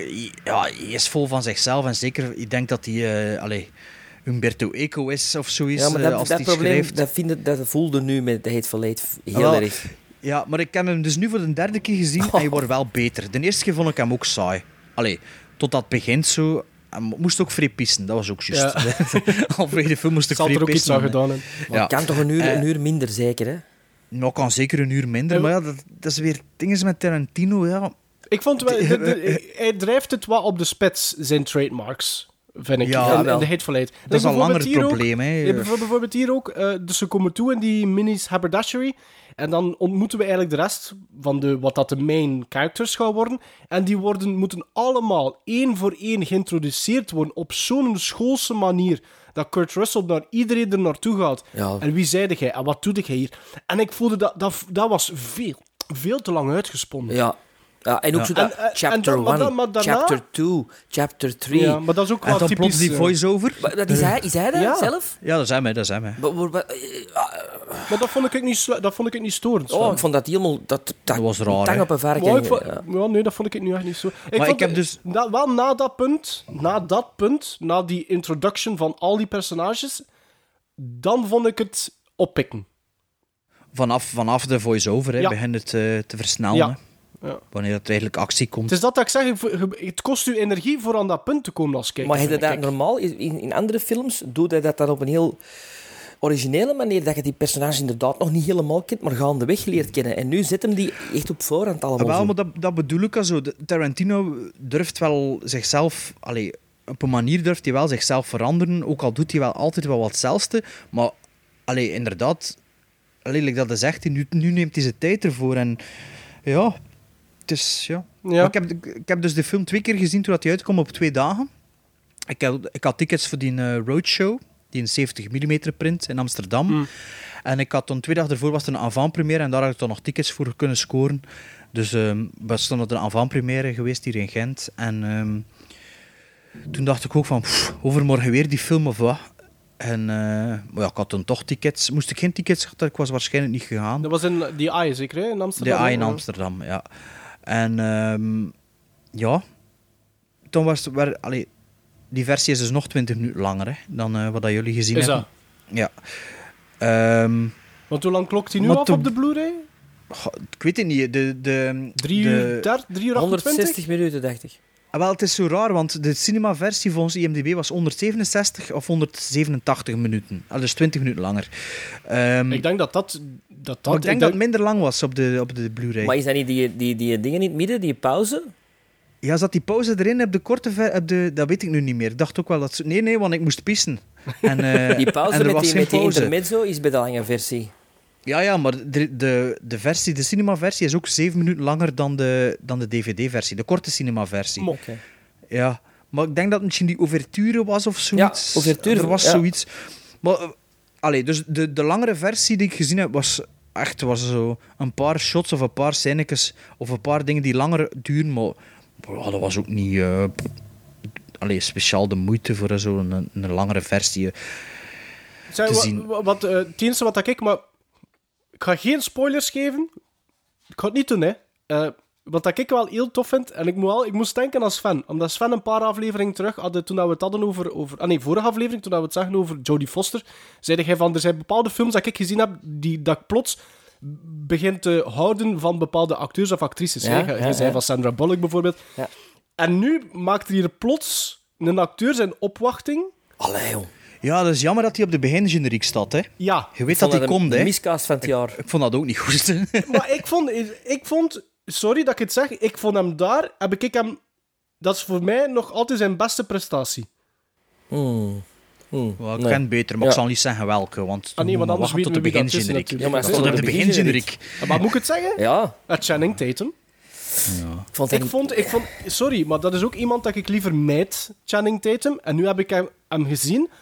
En hier stond hij, vond ik, te acteren en wist mij wel te plezieren ook. Dus pas op, Ja. ik ga niet zeggen dat ik er nu van houd en dat ik nu heel zijn, zijn oeuvre ga beginnen bekijken. Hè. Eh, of in de toekomst films van hem. Maar ik vond hier, met het beperkt, vond ik dat hij dat niet slecht gedaan heeft. Ja? Daar is er niet wild van. De, ja, en die flashback scènes, die, vier- dat vierde hoofdstuk, dat vond ik ook niet goed. Met die eh Ja. Zoe, Zoe Bell, dat er een... Ja, Ja. die zie ik altijd wel geren spelen. Hè. Maar die speelt, die speelt toch niet goed? Nee, maar die is, dat is wel een knappe. Ja, oké. dat vind ik zelfs niet persoonlijk. Vanaf Maar, nu gaan we, iedere aflevering komt er een sweetheart van Sven Ja, boven. en dat is ook, een- weet je, dat is zo, dat is zo een stuntwoman, hè, dat hij wel Ja. heet. Ja. ja, oké, maar binnen dat verhaal, oh, dat vond ik echt niet goed. Ja. Maar ik zeg het, als je een park, dat is allee, dikwijls met Groeit. Tarantino, dat groeit. Dat is waar, ze. kan met die niet Django zeggen- Unchained ook, zijn de tweede keer dat ik die zag, vond ik die veel genietbaar. Ja, maar ik Maar vond ik die kan van de niet eerste keer zeggen heel goed. Maar ik kan, Ja, niet oké, zeggen dat dat, kan dat- ook. ik kan niet zeggen na één kijkbeurt zelfs dat The Hateful Eight is voor mij zeker geen slechte film, hè? Ja, nee, nee, maar het is... Het is ja. Maar de je- dialogen zijn te lang, dat- de kritiek die hij krijgt, ik snap dat wel, en Ja? dat klopt soms wel. En soms ga ik dat persoonlijk in mee, soms niet. Soms vind ik er veel te veel kak aan hangen voor wat dat is. Eh, hij- het is ook zijn, zijn meest gory film hè, dat hij gemaakt heeft. Is dat zijn meest gory film? Gory ja. in, de, in de Tokyo Gore Police Oh, ja. style? Ja. Zeker Ah, wel. Ja, ja, ja. ja, ja. Ah, zeker in die, dat is die flashback ik vind Reservoir Dogs gorier. Maar dat is anders, dat is anders, dat is realistisch. gewelda- gewelddadig wel, hè. Maar zijn meest gory, zijn meest braindead-achtige... Ja, dat is wel eh, splattertoestanden soms. splattertoestand. Allee, en dat voelt dan wel niet aankomt soms. En dan, was, dan is het wel, oké, ja, wel cool. En, maar, Maar ook ze- weer bij ja. deze, vanaf de voice-over, ah, vind ik het ook allemaal veel vlotter gaan en veel, het is meer opgeknipt. Hij zit dan met die flashback, dat niet zo goed is natuurlijk, maar... Ja. Maar wat dat Maarten, wat dat hij ook zegt, dat, dat begingeneriek, dat hij dat niet zo goed vond, ik vond dat wel... Alleen met, heb die, dat- met, die, eh, eh, met die score van, van Ennio Morricone, ik vond dat wel werken, Oh, maar- dat shot. Ja, maar welk, weet je welk shot dat ik bijvoorbeeld bedoel? En die, die, de, de credits, dat shot van dat kruis. Ja, wel, ik vond dat wel werken. Jezus, man, jongen. Dan mocht er toch ook wel godverdomme wat rapper geknipt zijn, hè? Gewoon, ik vind dat dat wel de moed zet, eigenlijk. Dat er zo... Maar, mo- Allee, moet het is natuurlijk ook wat in your face, een kruisbeeld. Maar- hè. en die, die zoom-out, jongen, die travel-out, of whatever dat ze dat doen. Dat, wat, hoe lang duurt dat? Een minuut? En ja, minuut ik vond dat wel, dat dat wel marcheerde met die, met die koets die in de verte afkomt, zeker? Of Ja, zit dat niet in ja, dat shot? ja, ja, ja, Ja, ik vond dat dat wel... Maar dan heb ik zoiets van... Ja, en ik had dat dan wel niet bij Django Unchained. Ik zou een keer moeten zoeken of dat de monteur van Unchained ook dezelfde was van de Hateful Eight dan bijvoorbeeld. Mhm. Maar daar miste ik... Allee, ik voelde van, dat is niet door dezelfde monteur gedaan, of monteuse dan, Sally Menke, dan dat ik gewoon ben van Tarantino. Ja. En dat was iets wat aan mij direct opviel. Ja. Maar ja. En eh, wat vonden jullie dan van de, veel, van de veel besproken aspectratio? Ja, natuurlijk. Ik vind Ja, te- natuurlijk te niet weinig landschappen voor, dat, voor Ja. die feel te hebben. En wat dat vond ik dus eh, in de, allee, de 70 mm projectie. Ik vond persoonlijk de, de digitale projectie vond ik veel beter of interessanter. Want, want, correct me if I'm wrong, ik denk ook wel, Bart, dat dat een van de aspecten was dat je toch zegt van, ja, ik weet wat, ik ga hem dan ook opnieuw gaan bekijken, omdat je hem die 70 mm print al wel wou zien waarschijnlijk. Ah ja, ik kan ook al tickets op voorhand. Ja, maar had ik geen tickets gehad, ging ik niet voor naar Amsterdam gaan zijn, ook al was het 70 mm Oké. print. Want ik dacht, oké, ze gaan ehm, eh, de, de gewone release gaan links en rechts afgekast zijn, Ja. dacht ik. Ja. Maar dat was niet, Nee. dat was niet. Er waren zwarte balken van boven en van onder in de cinema. Dus, ah, ja, ik vond, allee, het is interessant en tof dat hij dat gedaan heeft en zo, maar zijn beeldvoering is er niet naar. Nee. Je zit natuurlijk met die confined space van die, van die hut, waardoor dat een breder canvas zet om je personages in te zetten. Dat mar- marcheert wel. Er zijn een paar shots die echt wel werken zo. Maar de grootste gevoel dat dat uit was dat in de, de, de verhaal van Samuel L. Jackson dat het om buiten had. Ja. Die shots, daar hadden dat dieptegevoel van die 70 mm echt wel gevoeld. Wanneer in het begin ook als ze buiten, allee, de vistas, hé, daar wer- werkt dat echt Ja. supergoed, die 70 mm. Voelt die diepte veel beter aan de beste 3D-film dat je gezien hebt. Het probleem was bij die film, ja, het zit niet veel zo'n shots Het in. wordt te en weinig dus- gebruikt, ja. ja. Dus het wordt te weinig gebruikt. En Zeg maar, ik wou dat ik... Allee, laten we dan eerst gizmos geven, en dan wil ik daar, wil ik daar nog even over, over dat bioscoopgedoe, wil ik nog even iets vragen naar jullie twee. Maar eerst, eerst gizmos. Eh, wacht, ah, wat, zeg, moest nog iets zijn. Dat, je ging dat eerst niet maken, hè, die film? Hateful Omdat zijn Eight? script gelekt was. Hè? Ja. Ah ja, Weet dat is dat juist. nog? Maar is er daar ook weer niets om te doen geweest dat dat eigenlijk, dat script, dat die ook wel hevig al, al geschreven was of al ooit gemaakt? Maar ik heb dat script gelezen, want het was dan van, ja, je gaat die film nooit maken. dacht ik, oh, ik zal het wel een keer lezen. En ik heb dat toch gelezen en ik weet, ik weet eigenlijk niet meer hoeveel dat er verschilt met de uiteindelijke versie. Want ja, als je dan de versie gezien hebt, vergeet wat dat je gelezen hebt. Maar ja, ik vond dat toen ook wel een redelijk flauwe reactie van, ja, toch ga ik het nooit meer doen. En zo, van, ja, dat wil toch wel zeggen dat... Allee, Ja, maar dat ik dacht niet- ook dat hij daar weer, maar ik weet niet meer of het was dat nu voor, voor de Hateful Eight, dat hij daar ook al bijna in een rechtszaak gelegen heeft daarvoor, van dat hij weer te hevig leentje buur had gespeeld bij bepaalde andere... Ja, ik weet het niet. Ik dacht dat er daar ook weer zo... Wat, dat is bijna bij iedere Tarantino die uitkomt. ja, wel- welke, welke films herkende je in deze? eigenlijk Allee, geen. gewoon- Ik, ik heb wel ik heb dingen, Dead on the Nile en eh, Ah, maar die, die, Evil de Under the typische Sun. whodunits. ja, de. Hercule Poirot's. En Ja. met Maar Samuel de- L. de Jackson Thing- dan De Thing wordt ook heel veel eh De Ting zit, ja, hè. dat, eh, dat, kan, kan ik, dat kan ik in komen. Ja, zeker met Kurt Russell er nog eens Ja. bij. En zeker ook de score van Ennio Morricone. Ja. eh, Score niet te vond ik echt maar, wel de moeite. maar dat is een score die, die gemaakt was voor de Thing, maar die nooit gebruikt is in de Thing. Hè. Ah, is dat waar? Ja, want de Thing heeft maar één team. Dat is Ja. De film dezelfde team. En, ehm ja. Trouwens- Maar het ding is, is dat schijnt ook... ehm, ik heb die liggen, maar ik moet ik moet er nog naar zien. Ik weet niet of dat jullie hem kennen. Cutthroat, Cutthroats. 9. Ah, nee. nee. Ja, van de titel hoort, maar ik ken hem niet. Cut, cut, tr- Cutthroats 9. Dat is een, eh, een western, een spaghetti western, een redelijk onbekend. En dat schijnt, is dat ook wel ehm, een beetje hetzelfde verhaal eigenlijk. Maar ik moet die nog zien. eh. Ja. Dus denken we een spaghetti western van rond, ja, rond 70, een beetje voor, een beetje na. Dat weet ik niet De muziek deed mij ook denken aan een andere Morricone-score van Mission to Mars. Eh, die ook Ah, die ken heel hard doet denken aan The Thing. Aan dat, zo dat monotoon dingen. en Maar ik, vond zo- hem, maar ik vond hem wel goed. De score van Morricone? Ja.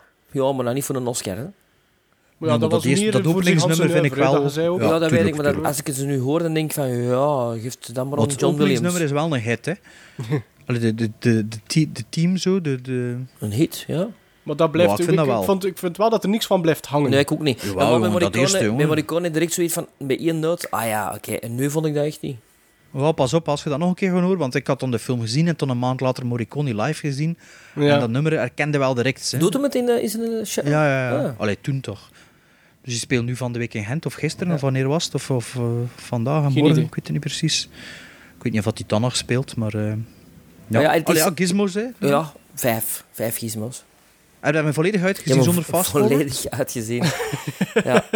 Ja. Oh ja, dat moet wel hè, bij zo'n film. Niet? Ja, Zou je ja, maar jammer vinden moest je dat... Ik heb het gedaan, maar ik moet zeggen, ik heb me een paar keren zo het pikhouweel in, in het berg moeten slagen en me naar boven trekken. Hè, want En in één setting uitgekeken, of... in één zitting, ja. ja. Ah, ah. ja. Oké. Ja, hoop- ik, geef hem, ik, geef hem toch, nu- ik geef hem hetzelfde eigenlijk, Silverado. Ik geef hem ook een 7. Ja, ik geef hem ook een 7. Dus we hebben één dwarsligger, hè. nee, ja, ik, eh, ja het, is, het is Tarantino. Ja. Het is speciaal uit de laatste paar films. Het is dus, natuurlijk eh, wel jammer dat. Eigenlijk kunnen we het daar een beetje mee samenvatten. hè. Het is een Tarantino. ja of zelfs Ja, dat vind vind dat- ik niet. Ja. Ja, nu wel, maar ik vind dat tof. Dat is tenminste een regisseur met een eigen visie, een eigen stijl, een eigen Dat is ding. waar. Zoals er veel te weinig zijn tegenwoordig.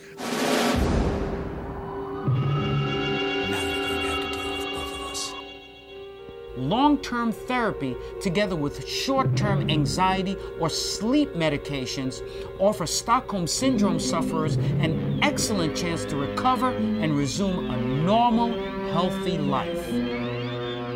Gremlins Strike Back. Ik wil gewoon nog aan jullie een keer vragen, hè, want ja, ja, want we, we, want, want we spreken, allee, jullie spreken vaak over van, hé, we gaan, eh, ik ga naar de bioscoop, ik ga dat gaan zien, dit. En nu, ik vroeg me eigenlijk af, zeker omdat, omdat ik weet van Bart dat je, dat, dat je toch ook wel wou zien, die 70 mm print dan. Ehm, maar wa- wat is voor jullie de redenen om nog altijd zo veelvuldig naar de bioscoop te trekken? Wat vinden jullie daar nog altijd de meerwaarde van? Ik vind, ja, Ja, ik- ja, waarom, waarom hadden hij niet meer? Omdat ik vind dat er daar bijna geen meerwaarde aan is. Ah, dat vind ik wel. Dat vind ik ik, wel. vind, wel, ik ga eh, het anders zeggen. Ik ga het anders zeggen. Zijn er films, ehm, ofwel dat jullie zien in de bioscoop, dat je thuis ziet, dat je zegt van, ah, nu vind ik hem veel minder, of omgekeerd, dat je zegt van, die had ik willen zien in de bioscoop? Ja. Omgekeerd vaak. Ja. Maar waarom? Is dat dan gewoon omdat dat imposanter is? Ja. De, de Je ziet is toch ja, helemaal Je anders? ziet, je ziet ja. Je- er is geen afleiding van niks. Nee, dat vind ik Dat ook vind ik al. al de. Eh, laat ons dan zeggen dat er mensen zich storen aan popcorn en aan chips. Ja, dan moeten we de juiste voorstellingen pakken, dat er weinig volk zit. Voilà, en, en, doe en, ik, niet, ja. en niet van achter gaan zitten. Nooit niet van Ja. achter gaan zitten. Zo dicht mogelijk. Dat zijn ook de beste zetels, omdat er bijna nooit iemand zit. En dan is ook niet de, de, de chipsvretende mensen, want die zitten meestal allemaal van achter. Ja. Ja. En dan, Ik zit meestal rij 8 zo. Juist zo de onderkant van uw zicht, onderkant van het scherm. Zodanig dat uw ogen niet heel naar boven en beneden moeten gaan. Dus dat gewoon uw periferisch zicht, juist Ah, de onderkant van het scherm U hoort, zit- u hoort, er zijn professionelen aan het werk En ik zit het liefste in Ah, het, maar in het eerste deel, het de laatste rij van het eerste deel van de zaal. Dus als de zaal Ah. is opgedeeld in, in twee delen, Ja. zit ik, ja. omdat er dan niemand tegen een stoel kan shotten, langs achter. en omdat je dan ook zo de... Als je foto's wilt trekken van Top Gun. en de, uitgang, de uitgangbordjes, die zijn dan uit mijn vizier ook. Ah, ja. ja, de- ja, de- ja, de- groene lichtjes. Die, die, die, ja, ja, ja, ja, ja. En ik Dat zie, graag, ik zie graag filmen zo een beetje liggend naar boven, naar boven zien. Zo. Dat, dat, zo echt, dat je moet opkijken naar de silver screen. Maar, maar, dat eigenlijk, dat, maar dat is niet echt een antwoord, denk ik, Nee, op ik ging mijn juist vraag. zeggen dat... Ik, ik, Dus- En wel geen afleiding. maar, geen- maar worden er bijvoorbeeld vandaag de dag films gemaakt dat je zegt van die zijn gemaakt voor in de bioscoop? Mad Max Fury Road. Maar heb je daar minder van genoten op, op thuis? Maar nee, omdat ik het gewoon al een supergoeie film vind en omdat ik hem al gezien heb. Ja. The Hateful Eight ook, ze. The Force Awakens. Dan moeten we de Force eerste keer in de cinema zien. Maar ja, maar, ja. Ja. maar ik vind dat... Ik vind dat Ook de klank, hè. De klank is ook veel Ja. beter hè, in de cinema. ja. Dat Maar kan ik begrijpen. alsjeblieft dat niet kan naar ik 3D begrijpen. gaan zien. Hè. Nee, nee, nee, nee, Jungle, nee, nee, nee. Jungle Book en Civil War, ook alle twee al films voor het grote scherm. Hè.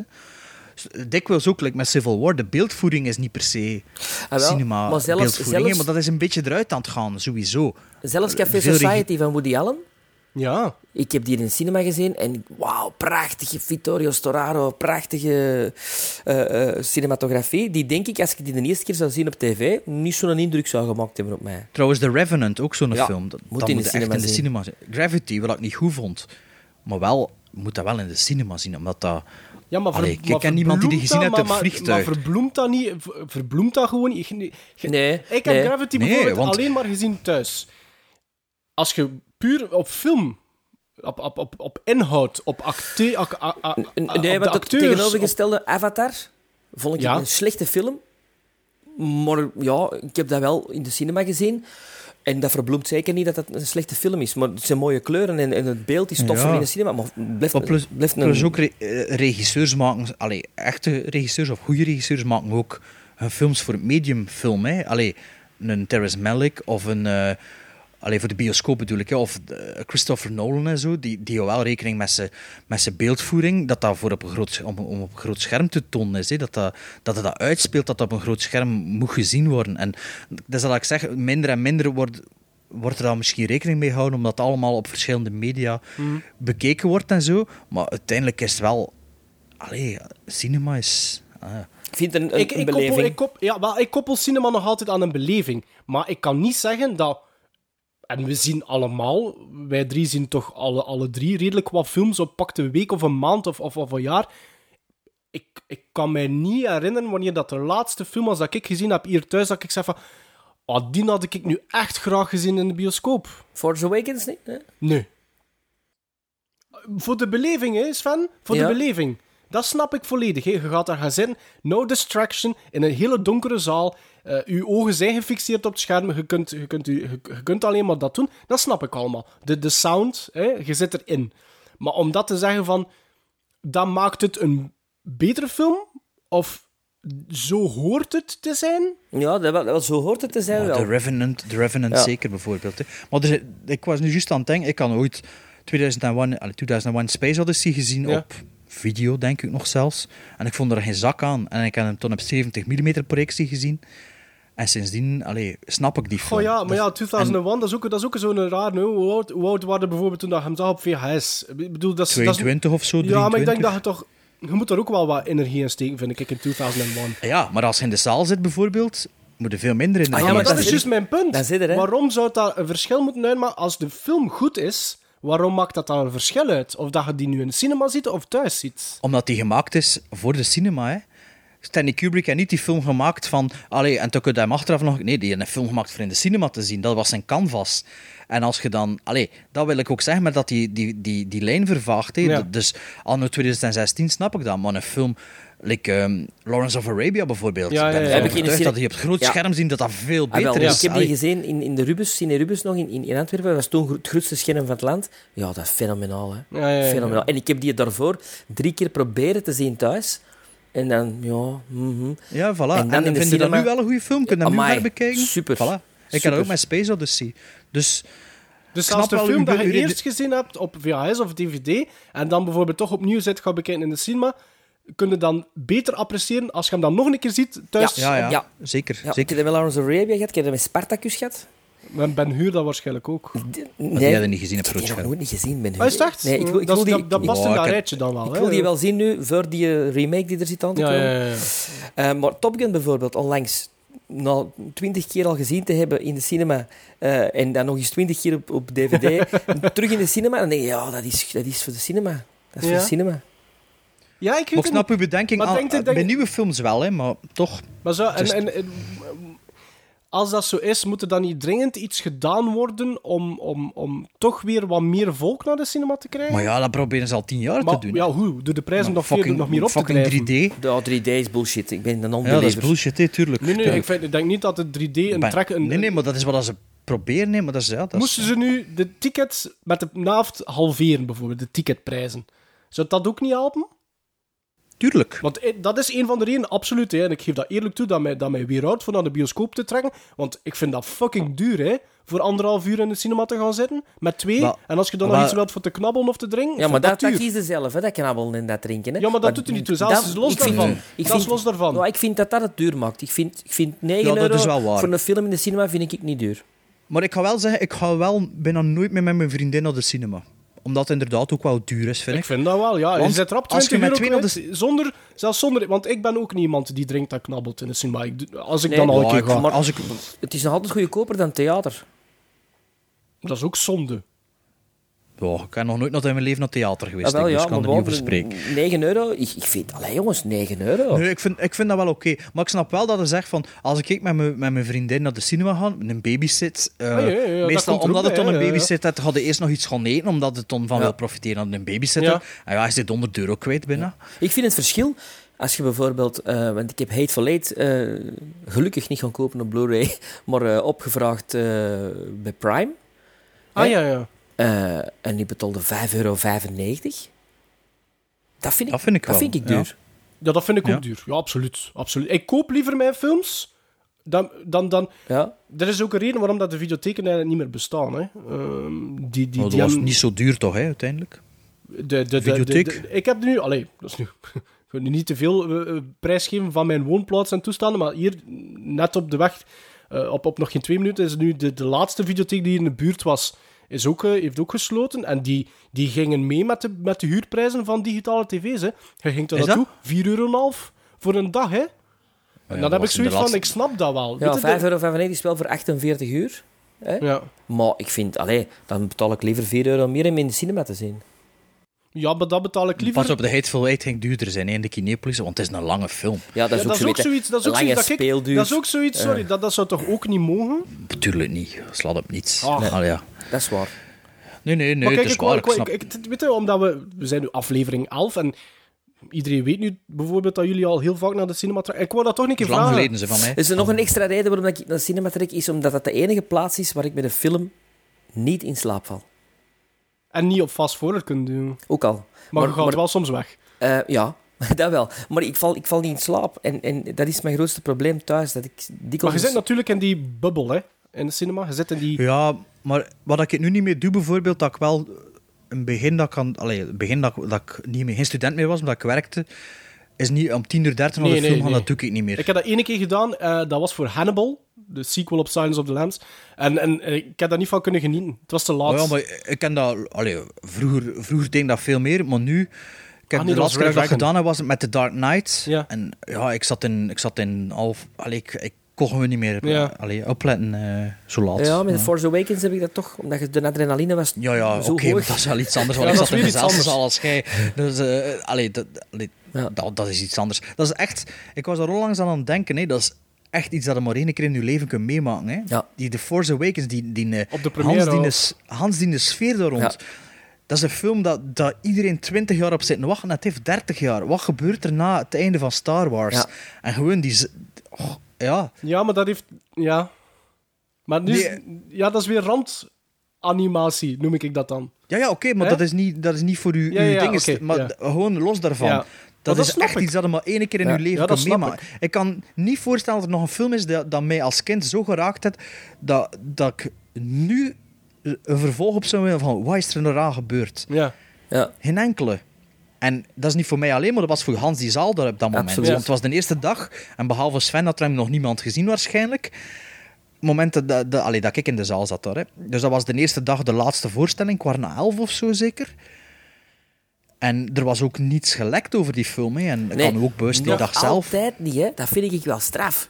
Nog altijd, als je dingen opzoekt, dan... Weinig over het- ja, weinig, weinig, spoilers die dan... Ja, ja.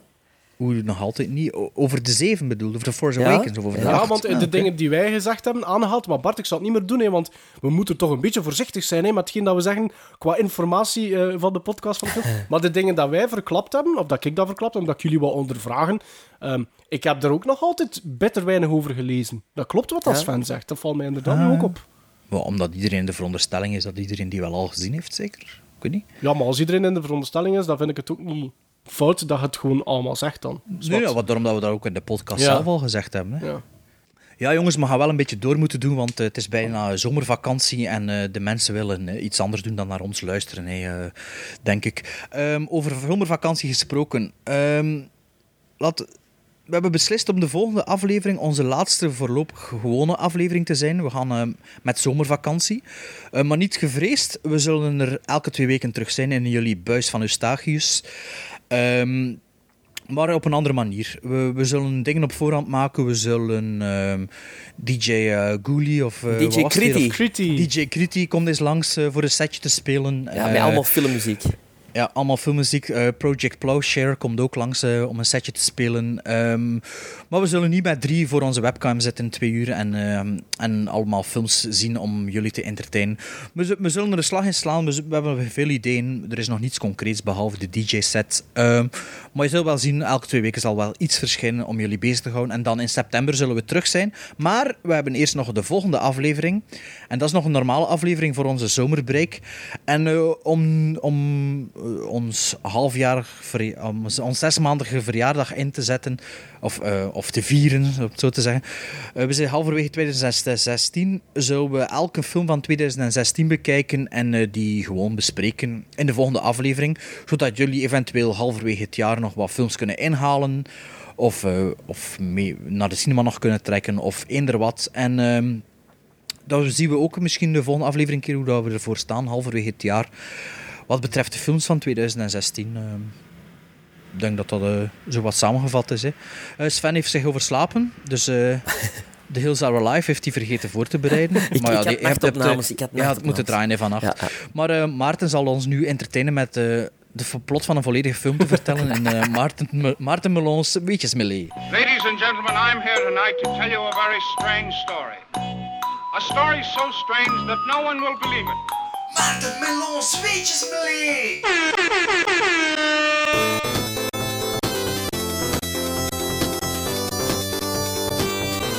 And we, my partners and I, have brought back the living proof of our adventure.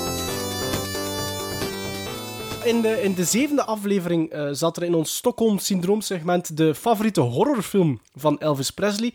En nu, voor de Melie, heb ik gekozen voor een van de favoriete films van voormalig president Bill Clinton. een comedy, for a change. Voor het wat lichtvoetiger te maken. Deep Throat. Nee, een film. Een film die de start betekende van een franchise waar nagenoeg iedereen geboren in de jaren 80 mee is opgegroeid. De originele film eh, werd gereleased in mijn geboortejaar, in 84. Dus ik ben zeker dat Bart de titel al verklapt heeft eh, toen dat wij een x-aantal afleveringen geleden eh, over films uit ons geboortejaar bezig waren. Ehm, en Sven heeft die waarschijnlijk dan ook bewuster meegemaakt. Ehm, de film had een budget van 4,5 miljoen dollar, en haalde wereldwijd zo'n 146 miljoen op. Ik heb het over Police Academy. Ah, ja. Ja. Dat, dat was de favoriete film van de president Eén van van Amerika de- gedurende acht maar jaar. ja, Oké. wel. Die is wel Eén- een steengoeie comedy ook. Eén van de favoriete Oh, films. hè. één van de favoriete En films. Bill- Wel, dat is een goede film. hè. En Bill Clinton kennende. Van, allez, ik begrijp het wel. Eh, nu, de producer van de film. Kende je Bill Clinton? Ja, ik heb er gisteren nog een eh, Skype-call mee gehad. Eh, de producer van de film, Paul Meslansky, kwam op het idee van Police Academy tijdens de opnames van The Right Stuff uit 83, dus een jaar ervoor. Wat dat een film is over astronauten die gekozen en opgeleid worden om deel te maken aan het eh, Mercury 7-programma. dus eh, tijdens die shoot werd er plots gebruik gemaakt van police cadets om nieuwsgierigen eh, eh, op afstand te houden. En Meslansky zag die arriveren en hij vond dat wel vrij grappig, want die waren heel divers qua geslacht, lengte, dikte en ras. En toen hij de sergeant van dat soortje ongeregeld vroeg of dat de toekomstige finest officers van San Francisco gingen worden, antwoordde die dat door het gelijke kansenbeleid ze niet anders konden dan die allemaal te aanvaarden. Maar dat Precies ze- de VRT. maar dat ze wel hun best deden om ze zoveel en zo snel mogelijk weer naar huis te dwingen. En daar ontsproot het idee. Meslansky schreef diezelfde avond nog een treatment van twee pagina's. En had maar liefst tien films voor ogen. En uiteindelijk zijn er op dit moment zeven eh, geworden. Diezelfde, diezelfde avond al tien films Maar, voor ogen. het was, dat was de originele insteek. Dat hij, er, hij wou er een reeks van tien films van maken. En eh, nu, aangezien dat er in totaal zeven films zijn verschenen, zijn namen voor ons toch, eh, als Mahoney, Tackleberry, Commandant Lassar, eh, Hooks, Jones en dergelijke, zijn zo wat... Blue Oyster Bar. De Blue Oyster Bar zijn zo wat gemeengoed geworden. En zo gemeengoed zelfs dat de term Tackleberry ondertussen gebruikt wordt in de security sector. Een Tackleberry kunnen doen als we, als we het hebben over iemand die nogal gun crazy is. Tackleberry! Ehm, als we denken aan de eerste film, denk ik dat Steve Gutenberg misschien wel de populairste naam moet geweest zijn dan, eh, samen met Kim Cattrall, die er ook in meedoet. Eh, maar hij was wel niet de originele keuze voor de rol van Mahoney. Ehm, Tom Hanks, Tom Hanks, Michael Keaton en Judge Reinhold waren opties. Maar wisten jullie dat Bruce Willis effectief auditie heeft gedaan Voor de rol van Mahoney in Nee, Police nee, Academy. wist ik niet. Ah, nee. Wacht even, maar had hij al iets gedaan ervoor, Bruce Willis? Moonlighting was... Moonlighting, ja, was dat? Moonlighting, Ah, die ja, periode. ja. ja. Ehm, eh, als we denken dat een, een, nog een heel favoriet personage eh, eh, uit Hans de Reeks is, is ehm, Michael Winslow. Ja. De stemmenimitator, inderdaad. Bekend van de ideale wereld. En van Spaceballs. En van Spaceballs. Eh, die, die vertolkt de rol van Larvel Jones. Die zat oorspronkelijk niet in de film omdat het personage gewoon niet in het script stond. Maar toen enkele casting directors hem hadden zien optreden, creëerde scenarist en regisseur Hugh Wilson speciaal een personage voor hem.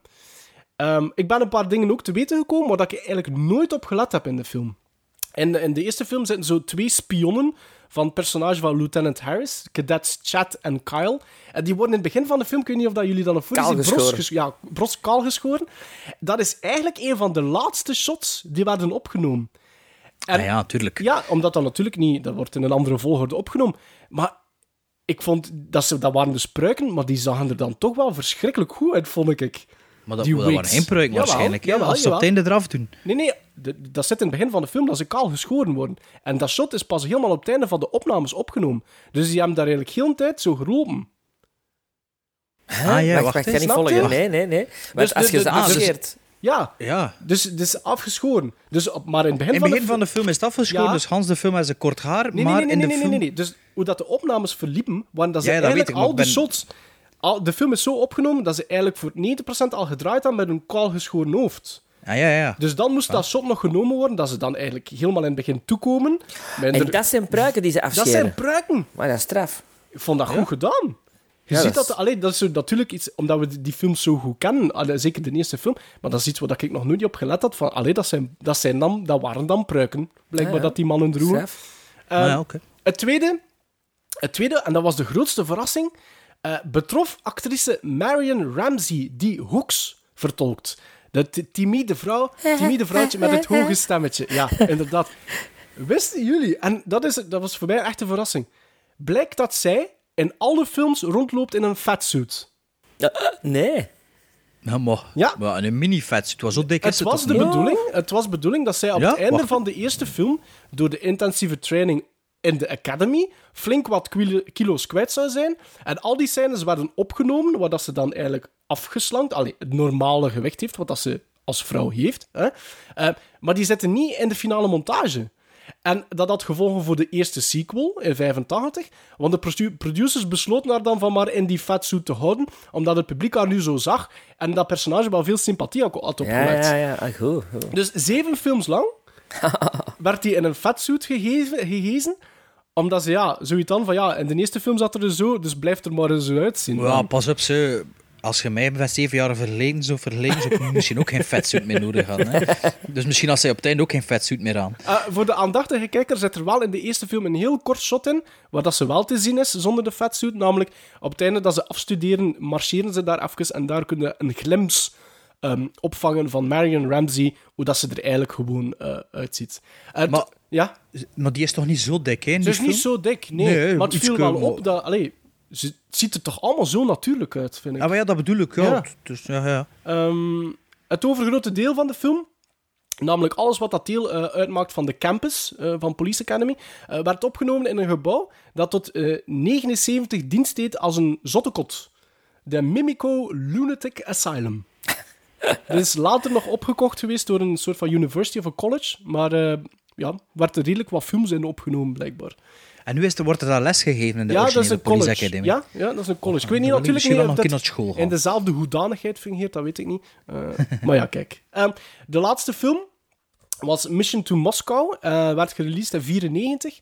En als we alle films bekijken, zijn er maar drie personages die in alle zeven te zien zijn. Dat zijn Jones, Tackleberry en Lassar, commandant Lassar. Eh, drie jaar later, in 97, was er een tv-serie eh, van Police Academy. Heeft maar... Tekenfilm? Nee, Of de... een serie. Ah. TV-serie. Heeft maar één seizoen eh, geduurd. 26 afleveringen zijn ervan gemaakt. Maar geruchten voor een achtste film Ja. doen al sinds 2003 de ronde. Maar het begint nu concreet te worden, hè? Ja, wel, begin april dit jaar is de IMDb-pagina voor het laatst eigenlijk opgefrist. Er zijn ook nieuwe schrijvers aan toegevoegd. Ehm, het duo Kai en Peel, of Key en Peel, die zijn op Comedy Central, kunnen die hem die hun eigen show. Ja. Moest iemand dat kennen. Ehm, en de, bedoeling, de oorspronkelijke bedoeling van de achtste film was eigenlijk dat zoals dat we dat zo vaak zien van films die ettelijke jaren later, was dat de oude garde de fakkel zou doorgeven aan een nieuwe. Maar dat zou moeilijk lukken. Want ondertussen zijn er wel een paar mensen al overleden. Je hebt Bubba Smith, Ja. eh, Hightower in de film. eh overleed in 2011, wel wat vreemd, op zijn 66ste aan een overdosis fentermine.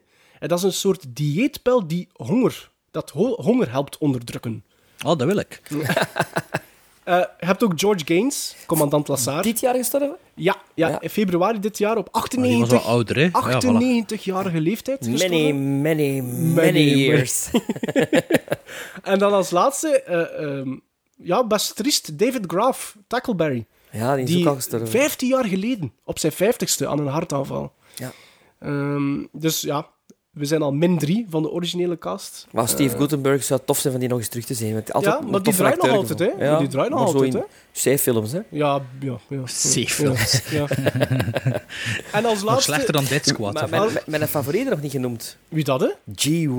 Bailey. Bailey, Lieutenant Harris. Ja. Ja, move it, is- move it, move it. Ja, die heeft nog een geweldige tv-carrière, hè? Want die En zit... die is toch heel bekend door theater ook, hè? Ja, en die zit in een van die, van die CSI-toestellen of zo, hè? Of zo, een, van weet die, ik niet. een van die reeksen. Ja. Dat weet ik niet, dat weet ik niet. En eh, het allerlaatste wat ik nog kan meegeven. Turkije heeft vorig jaar zijn eigen film gemaakt en getiteld Polis Akademici alla Turca. 2.4 op IMDb op 10. Oké. Oké, dat is de volgende Stockholm-syndroom.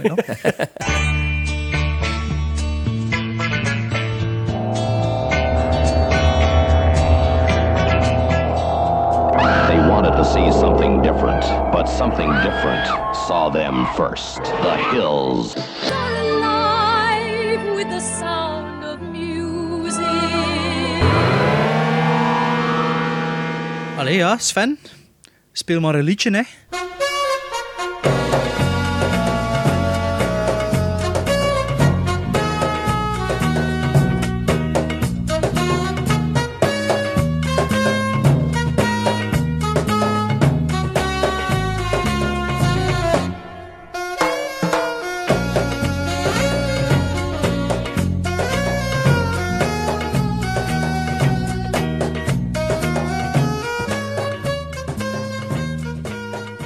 Bart had het lumineuze idee om ehm, een, een, een segment nu te doen. Een, een soort top 3, maar we hebben er geen top 3 van gemaakt, maar wel... Een random free. Ja, Alex drie films gekozen die wel handig of nuttig zouden kunnen zijn, of amusant zouden kunnen zijn, tijdens het strijken. Eh, ja, ik dacht, allee, bon, klaar. Ja. Ik moet eerlijk toegeven, ik heb nog nooit in mijn leven gestreken. Dat is voor mij totaal vreemd. Ah ja. Ja, dus, ik Dus- dacht dus- voor alle, alle, alle vrouwen te plezieren, hè. Ja, oké. Dus ik heb het dan gemaakt. Bij mij is het, zijn het films geworden eh, tijdens het koken. Ah ja. dat is iets anders, hè. Ja, dus, maar ik straal niet. ran- random ja, ja, drie... want, want volgens Bart is dat een specifieke... Tuurlijk is dat een specifiek genre. Leg, het- leg dat nu een keer uit, Bart. Leg het uit. Ah, wel. Ehm, dus de random drie, de random drie strijkfilms. een strijkfilm... Volg me even. Ik ben... Ik kan niet zeggen een nieuwe man, maar ik vind het wel leuk om te strijken. Vanaf dat je Wauw. straks er een nieuwe man, Bart. Point final. Ah, maar- nee, nee, de reden waarom dat ik graag strijk... Ah, je strikt zelfs graag. Oh ja, my ik vind dat God. plezant, maar geen hem dus, want dat kan ik niet. Dat, wel, ik snap dat niet. En opplooien, dat kan ik ook niet goed. Dat is allemaal verschillend geplooid. Maar waarom dat ik strijken plezant vind, is omdat je ondertussen naar een strijkfilm kunt kijken. en, en als je aan het strijken zit, ja, je hebt dat misschien nog nooit gedaan, maar dan zit je zo wat bezig en kun je niet heel tijd naar dat scherm zien. Maar je kunt ook niets anders doen dan... Allee, je kunt niet lezen ondertussen, je kunt wel naar muziek luisteren, maar dan als, als nou wat moet je zien? Alleen naar je strijk. Dus een strijkfilm is een soort film die tussen de 80 en de 100 minuten maximum duurt. Wat langer dan dat gaan we zeker niet strijken. Dat in één strijksessie, dat al uw man, allee, of al uw manden, of wanneer dat eraan begint, dat alles gedaan is, dat je gestreken hebt. Maar dat ook wel wat compenseert in testosteron. Zodanig dat je niet naar een wijvenfilm zit te zien, terwijl je aan het strijken zit. Want dat is dubbelop. Want ja, En wij die dachten dat een vrouwvriendelijk segment ging worden. maar ja, als je zo strijkt, dan trekken je ballen weer in je lies. Dus je kunt niet naar een wijvenfilm zien, of naar eh, allee, iets zachtaardigs. Je moet een beetje een, een mannelijke film zien terwijl dat je strijkt. Want anders, ja, Terwijl Bart zijn, meer... zijn vuist balde toen hij zei mannelijk. Dus ik dacht van, laat ons een keer een top 3, maar dat is moeilijk omdat dat niet per se goede, goede films zijn. Nee. Maar laat ons drie ideale films selecteren elk om ondertussen te strijken. Ik denk dat Koken de- vind ik eigenlijk niet, niet, niet hetzelfde persoonlijk. Ik denk dat de dat aandachtige Sven- luisteraar ook al doorheeft dat voor twee gremlins iets moeilijker was dan voor de derde gremlin voor de films te kiezen. Maar ja, die, de films die ik gekozen heb, zijn dus films die ik kan opzetten tijdens het koken. Ik, ik, ik kook niet graag, voor Wat alle duidelijkheid. criteria? Ah ja, voilà, ik, heb het wel doorgetrokken ook naar chores. Gewoon chores. Huishoudelijke taken. Ja, maar het verschil met, met, met, met, met, eh, met koken of met huishoudelijke taken is, je staat stil achter iets. Dus, je staat echt Ah, vlak voor je tv, heel de tijd. Ah, wel, Maar ja, maar ik koken. Je dat zit op de tv tafel, staat. je begint groentjes te snijden en ondertussen verveel ik mij, dus ik zet een filmpje op. En dat Ah is de reden waarom Bart mag beginnen ook. Ah ja, oh, oh, dat, is, dat is geen probleem. Ehm, dus, mijn, ehm, dus als je straks moest strijken en je hebt zin om een filmpje te zien, ik kan niet zeggen mijn derde favoriet, maar een aanrader die ik heb is een film van, als je iets meer strijk hebt, een film van ehm, 2009 die bijna 100 minuten duurt. Ja. En wel, mijn tweede film eigenlijk ook exact 1 uur en 37 minuten. Dus de volgende film kun je ook opzetten als je evenveel strijk hebt. Ehm, is van 2009 en ik denk dat ik er in een van de eerste afleveringen al een keer over gehad heb. Het is eh, een, ver- een vervolgfilm. Ik denk de derde of de vierde in de franchise is eh, Universal Soldier Regeneration. Ja. Dus ehm, ik denk de, officieel de derde, maar ertussen zitten nog twee tv-films of zo. En dat, is, dat, Dus, is dat, Bart, is dat die, die waar dat zowel... The Return Ja. of GCVD en, En eh, Dolph Dolph, Lundgren, ja. Dolph Lundgren. Ik had die film per ongeluk eigenlijk gekocht ehm, een paar jaar terug, eh, want die zat in zo'n Expendables eh, om het Ja. op zijn Svens te zeggen. Dus ik dacht dat ik eigenlijk de originele Universal Soldier gekocht heb. ehm, en ik kwam thuis en ik zag van shit, dat is een, een latere film. En ehm, maar ja, ik dacht, ja, ik heb hem nu toch, laat, hem dan, laat ik hem dan maar even goed eens, eh, eens bekijken. Het is geregisseerd door een zekere John He- Hyams. Die Is dat de Hyams, familie ja. van Peter Hyams? Geen idee. Ehm, maar die hebben wel ehm, het vervolg ook op deze Universal Soldier gemaakt. En ehm, het verhaal gaat eigenlijk over... ehm, ja, de, de eh, terroristen hebben de hand kunnen leggen op een Universal Soldier. Die zijn naar Tsjernobyl getrokken en die, die, die voeren daar een of andere terroristische dingen zo. Ik weet het ook niet precies wat ik was aan het strijken ondertussen. een terroristische actie uit. En ehm, er wordt een, een eh, oude Universal Soldier gereboot. Maar, maar die, maar ja, maar die Jean- Universal, dat zijn zoiets van, van genetisch... ge- Wat, wat is dat? genetisch gemanipuleerde super soldiers. Zo. En, eh, dus die wordt gereboot. En dat is natuurlijk Jean-Claude Van Damme die, eh, die eh, actie mag ondernemen te- tegen de terroristen met hun Universal Soldier. Maar wat blijkt, er is nog een tweede Universal Soldier Dolph. aanwezig bij de terroristen. En dat is eh, de toren van eh, Zweden, ehm Dolph Lundgren. En ja, dat is een beetje waar dat de film over hè. En veel schieten. En eh, ondertussen kunnen hun wat kinderkleren proper maken. En, maar de beeldvoering ik weet hoe dat ik die film zag, ehm, was ik echt wel aangenaam verrast erdoor. De beeldvoering is, is leuk, is... ehm, het is, het is met wel, wel met een bepaald budget en met een bepaalde visie gemaakt. Dus het is niet, het is niet echt super slecht. Het is echt een genietbare actiefilm. Dus eh, als je moet strijken, Doe dat dan. kunt u deze film bezien ondertussen. Hebben jullie hem gezien? Nee. Nee, Maar ik ken heel weinig van die eh, Ik heb alleen de Universal Soldier franchise. De eerste in de cinema gezien, de eerste Universal Ah, ja? Soldier. Ja, ja. Ik denk zelfs op het moment dat ik die gekocht heb, dat ik de eerste Universal Soldier zelfs nog niet gezien had. En ondertussen wel.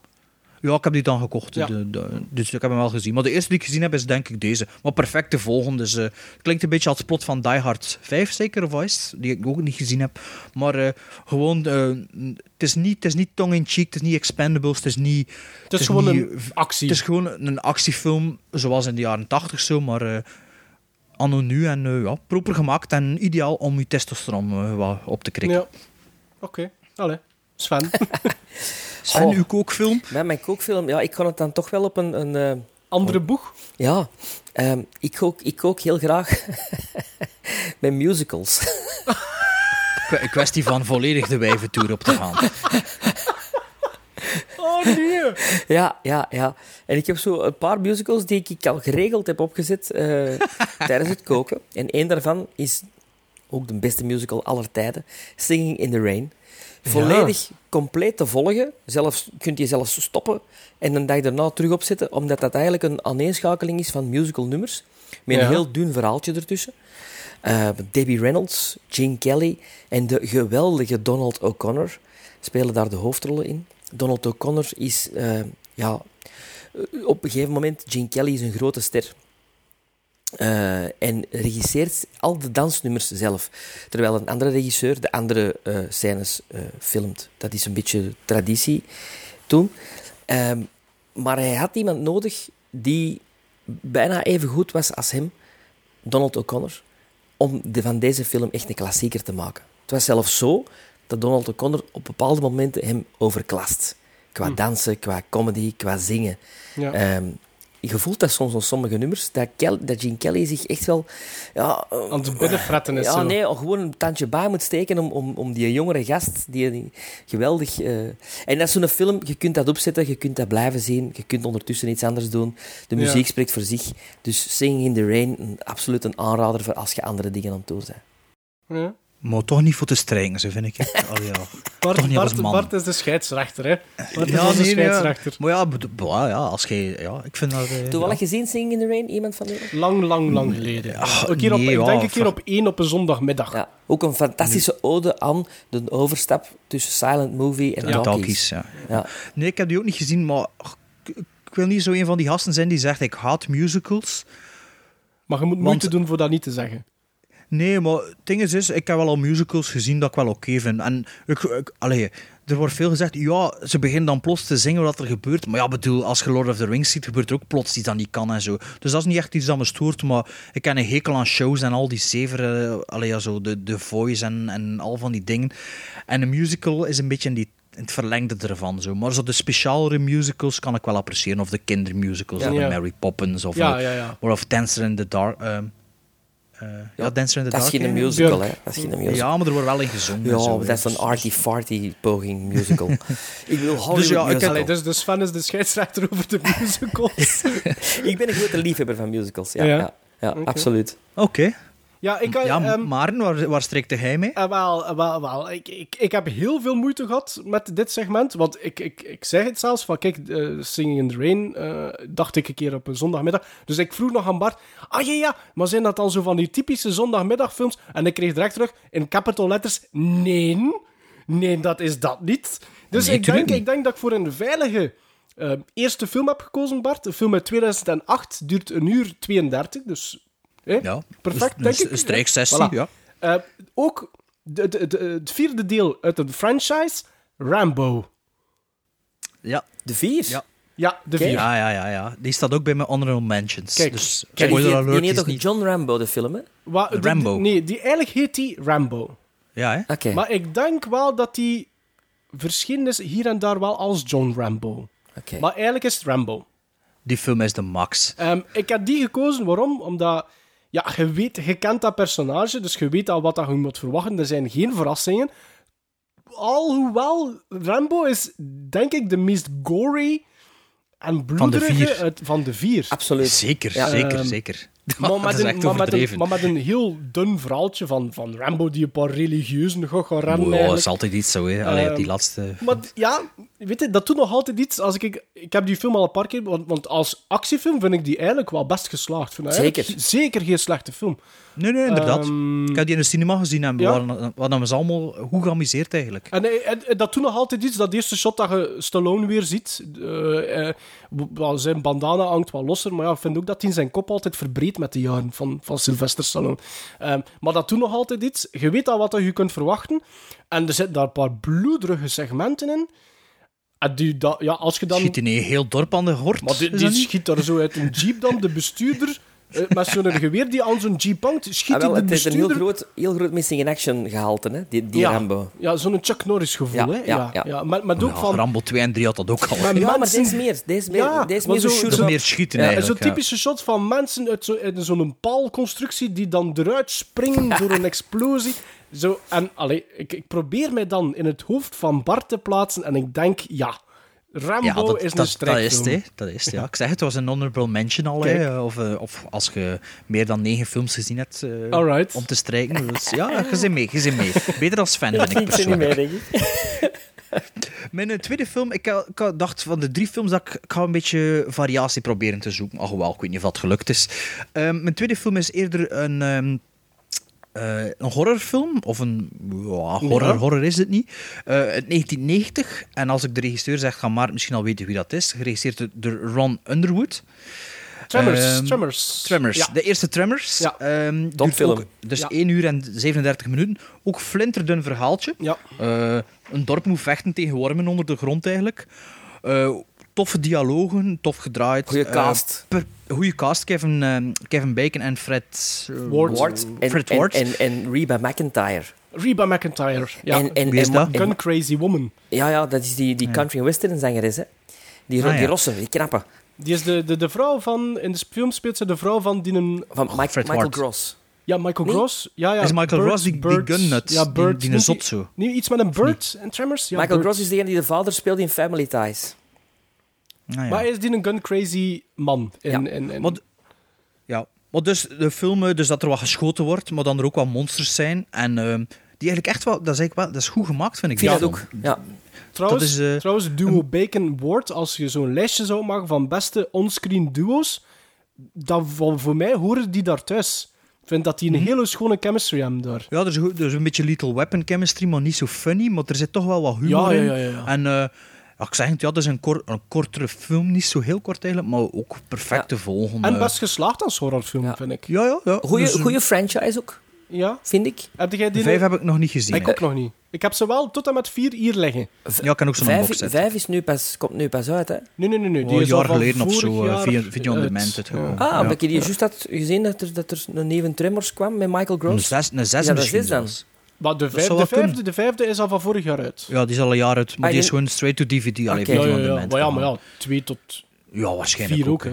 Maar die zijn ook fun, hè? Die ja, kunnen ah, eigenlijk wel, ook gebruiken om te een strijken. een goede franchise. Ja? Ja, eigenlijk wel. Maar meer moet je er ook niet van verwachten. Hè. Nee. eh, Je kunt er ook geen discussies, zeker niet vanaf twee, discussies over voeren zoals dat over de Hateful Eight kunt doen. Hè. Nee. Maar ideaal om, eh, ja, om te strijken, zou ik zeggen. Hè. Sven, had hij verder koken of had iets anders doen? Nee, ik kon toch verder koken. En ik kon...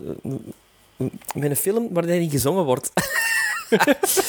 maar, maar er wordt meer dan in gezongen. Er- Het is ook, eh, het is ook een beetje comedy. Eh, het is eh, een film met Steve Martin. Pennies from Heaven. Nooit gezien. Pennies Nee, from Heaven is gezien. eigenlijk een ode aan de oude musical. Eh, het is een film van begin jaren tachtig. En ehm, door de, ja, het is ook zo'n charmante film die je kunt opzetten, waar je ondertussen kunt koken. Is ook een beetje grappig. Ehm, en al de grote musicalnummers van, van Busby Berkeley en zo, die, die worden daar een beetje in, in eh, nagebootst, maar dan in kleur. Omdat eh, het gaat over de musicals die nog in zwart-wit waren. Ja. Eh, ehm, en, en Steve Martin danst en zingt geweldig eh, in, in Pennies from Heaven. En ook een, een ongelooflijke Christopher Walken. Die, Oh, eh, ja? die er eigenlijk begonnen is als musical artiest, circus musical artiest. Die een tapdansnummer geeft, ongelooflijk, in, in deze film. maar, maar is, dat, de- is, het, is een soort tribute dan Een, een, een tribute aan de, aan de oude, oude gloriedagen van de musicals. Ja. eh. Dat verwerkt is in het verhaal eigenlijk. ja, ja, ja. Maar ook, ook zo weet dat Maar je kunt... niet zo'n moeilijk verhaal. Niks, niks moeilijk verhaal. Nee, nee, nee. Oké. Voor Pennies from worteltjes heaven. te snijden. En, uh, van Voor wortels en paprika's, ik denk 81. Voor wortels en paprika's. Ah ja, wortels en paprika's Ja. te snijden. Oké. Ja, ik denk toch dat ik mijn kookfilms anders... eh, Ja, maar als ik bev- persoonlijk, ik redelijk geconcentreerd. Ik sta echt in de keuken en... ah, ik weet niet, ik haat het. Dus ik moet, ik maar ik moet ook afleiding hebben. groentes terwijl dat er iets anders bezig is. Terwijl dat de patatjes al Ik, proppen ik of kan ook zo. altijd zitten. Ik kan zitten voor te koken. Ik vind het verschrikkelijk om te staan. Ik pak alles mee naar de living en doe dat daar op de tafel. Ja, ja, ja. Ah ja, ik niet. Maar ja, kijk, ja, ik strijk dan rechtstaand. hè. Ja, eh, ik heb ehm, ook proberen wat variatie eh, in te leggen, want ik wist begot niet wat ik moest kiezen. Ik heb voor een thriller gekozen ook, uit 2000, een uur 37. Dus qua criteria valt dat nog Ja, mee. dat is ook perfect. Een uur 37 was mijn andere twee films. Ehm, een, thriller, een beetje een minder gekende film, denk ik, van Keanu Reeves. The Watcher. Ken ik niet. En wel, Ehm, ik kan niet... Dit, Nee. Je zou die wel een keer kunnen... Want eh, niet alleen Keanu Reeves eh, speelt de hoofdrol, maar ook James Spader. En dat zijn toch twee allee, James Spader heb ik wel altijd vroeger wel graag zien spelen. Ja. Keanu Reeves, ja, weet je, die, die zijn range is wel wat beperkt, maar kom. Eh, het, het, het toffe eraan is dat eh, Keanu Reeves in The Watcher de, de, de villain speelt. Ehm, het gaat eigenlijk over, zonder spoilers te geven, ehm, Keanu Reeves is een seriemoordenaar. En James Spader is de FBI-agent die al jaren ehm, probeert, die probeert te vatten. Maar dat mislukt. En, en, en, is daar zo in invested geraakt dat hij zo'n beetje is doorgedraaid ook. Die heeft, die heeft psychische problemen daardoor. Dus die verlaat die case. Maar zoals dat, dat gaat. En daarom denk ik dat het wel kan als strijkfilm. Omdat je het verhaal al zoveel hebt gehoord en gezien. Jaren later moet hij dan toch terug die, op die case springen. Omdat de seriemoordenaar ook aanspraak maakt op hem. Ik vind het toch een redelijk complex hè. ik Momenteel Ik vind dat ook al te strijken. Ja, dat vind ik nou ook. Afgekeurd, Ja, hè, ik man. weet het niet. ze- ik- Afgekeurd.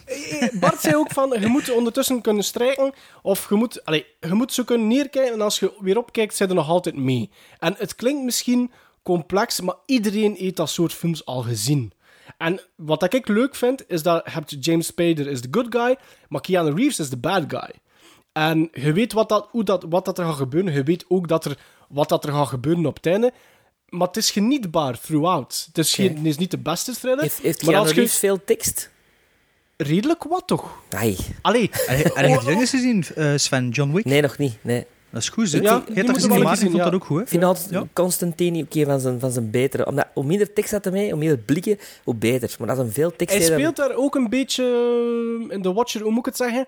Uitvergroot. En ik denk als die Ja, dan... hij speelt altijd uitvergroot. Nee, Ja. nee, maar, maar bewuster. Ja, het is misschien raar voor te zeggen. Maar, weet je, het is, als curiosa is het ook wel een keer plezant voor te zien. Ja, Keanu, Reeves, Keanu Reeves die een seriemoordenaar speelt, why not? Bekijk dat een keer. En als je dan toch ondertussen zegt van, goh, maar ik heb dit of dat te doen, ja, Moet er niet op pauze zijn. nee, je kunt gewoon Oké. blijven kijken.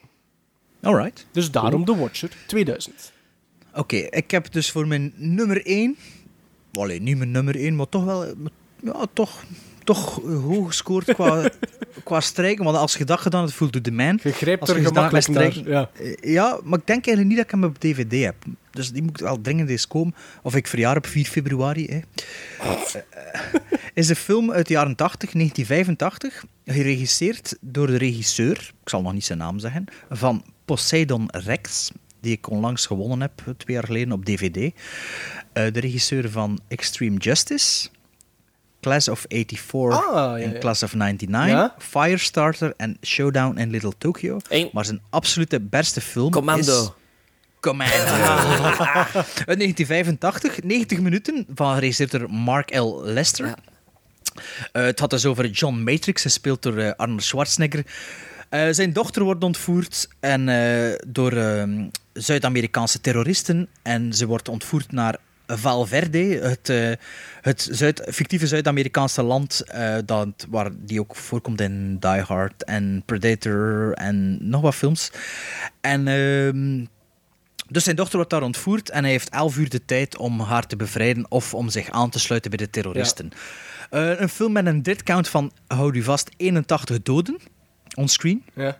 En eh, ja, Schwarzenegger op zijn best is, slecht Engels, eh hilarische vader-dochter eh, v- videomontage. eh, ja, En, en, wel een een goede film op Ja. zich. Ja, Ah, ja, echt maar- een supergoeie maar- film. Maar perfect te volgen En- en- terwijl er aan het strijken en, zit. Bart, en Bart, wij weten dat Sven dat een goede film vindt. want wie speelt er het dochtertje? Alissa Sven, Milano. En Milano. dat is... Ja. Ja. Oh. Ja. En, dat, en, en dat Sven is toch ook een van uw crushes geweest, hè? Absoluut. Ik heb, Ja. er, ik heb er zelfs ooit een brief nog gestuurd naar Alissa Milano. Hopla. Ja, maar nooit geen antwoord gekregen. Zeg, En heb je ooit een antwoord gekregen van de Smurfin? Nee, het- Van nee. Peo zelf. nee, maar Alissa Milano was toen ook met eh Who's the Boss eh, heel Ja. aanwezig op het kleine scherm. En ik was dat er, Ton- Tony Danza, hè? Tony Danza, ja. En ik was er zot van. En dat was in die periode ook dat Commando eh, is gedraaid. Maar voor Zeg- ons, voor ons, allee, voor ons, Bart, jij bent ook van, van 80, hè, toch? 80, 81, Commando, dat is toch ook een film waar wij een beetje mee opgegroeid zijn.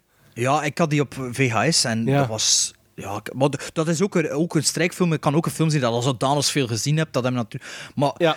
ja, qua testosteron, Commando, Ja, ja. kan wel tellen, Ja. hè, Ja. qua nonsens. En ehm, Trouwens, een hele Ja, goede score ook van eh, de eh, dit jaar, of nee, vorig jaar overleden James Horner. Ah ja. Eh, ja, en de, de aftiteling... Oh man, ik heb nu onlangs een podcast gehoord over die film, over Commando. En de aftiteling is een nummer... Ah, maar jammer dat ik nu niet kan opzoeken. Het is een nummer van een groep die maar één nummer met een bekende groep, maar die een andere zanger gehad hebben en die maar één nummer opgenomen hebben met die zanger. En kijk, ik zal het opzoeken, ik zal het op onze Facebook posten. Oké. Eh, zo- zoek het eens op eh, Het staat- als je het staat dit trouwens hoort. ook op de het staat score. op onze Facebook. eh, dat, dat nummer. Ja, ja het is Ja. zo'n zo'n pop, pop, poppy eh gitaar rock Ja, zo'n beetje zo. Europe, Europe-achtige stijl. Europe-achtig Ja. iets. En dat is dus een, een bekende groep, zou zeggen Dokken of zo, maar het is Dokken niet. Maar iets die dus... Ja, het is, het is, er is een verhaal rond. Ik zoek het op en ik zet het op onze Facebook. Ja. Ehm, maar dus ja, als je die tune dan hoort, dan weet je, je mag stoppen met strijken. Hè, en dan eh je het opruimen. Hè. Zelfs al Sven- heb je niet gedaan dan, Bart. Eh, maar ik heb meestal al gedaan. Tegen de 90 minuten. Allee, of dan zeg ik het echt beu. Ja.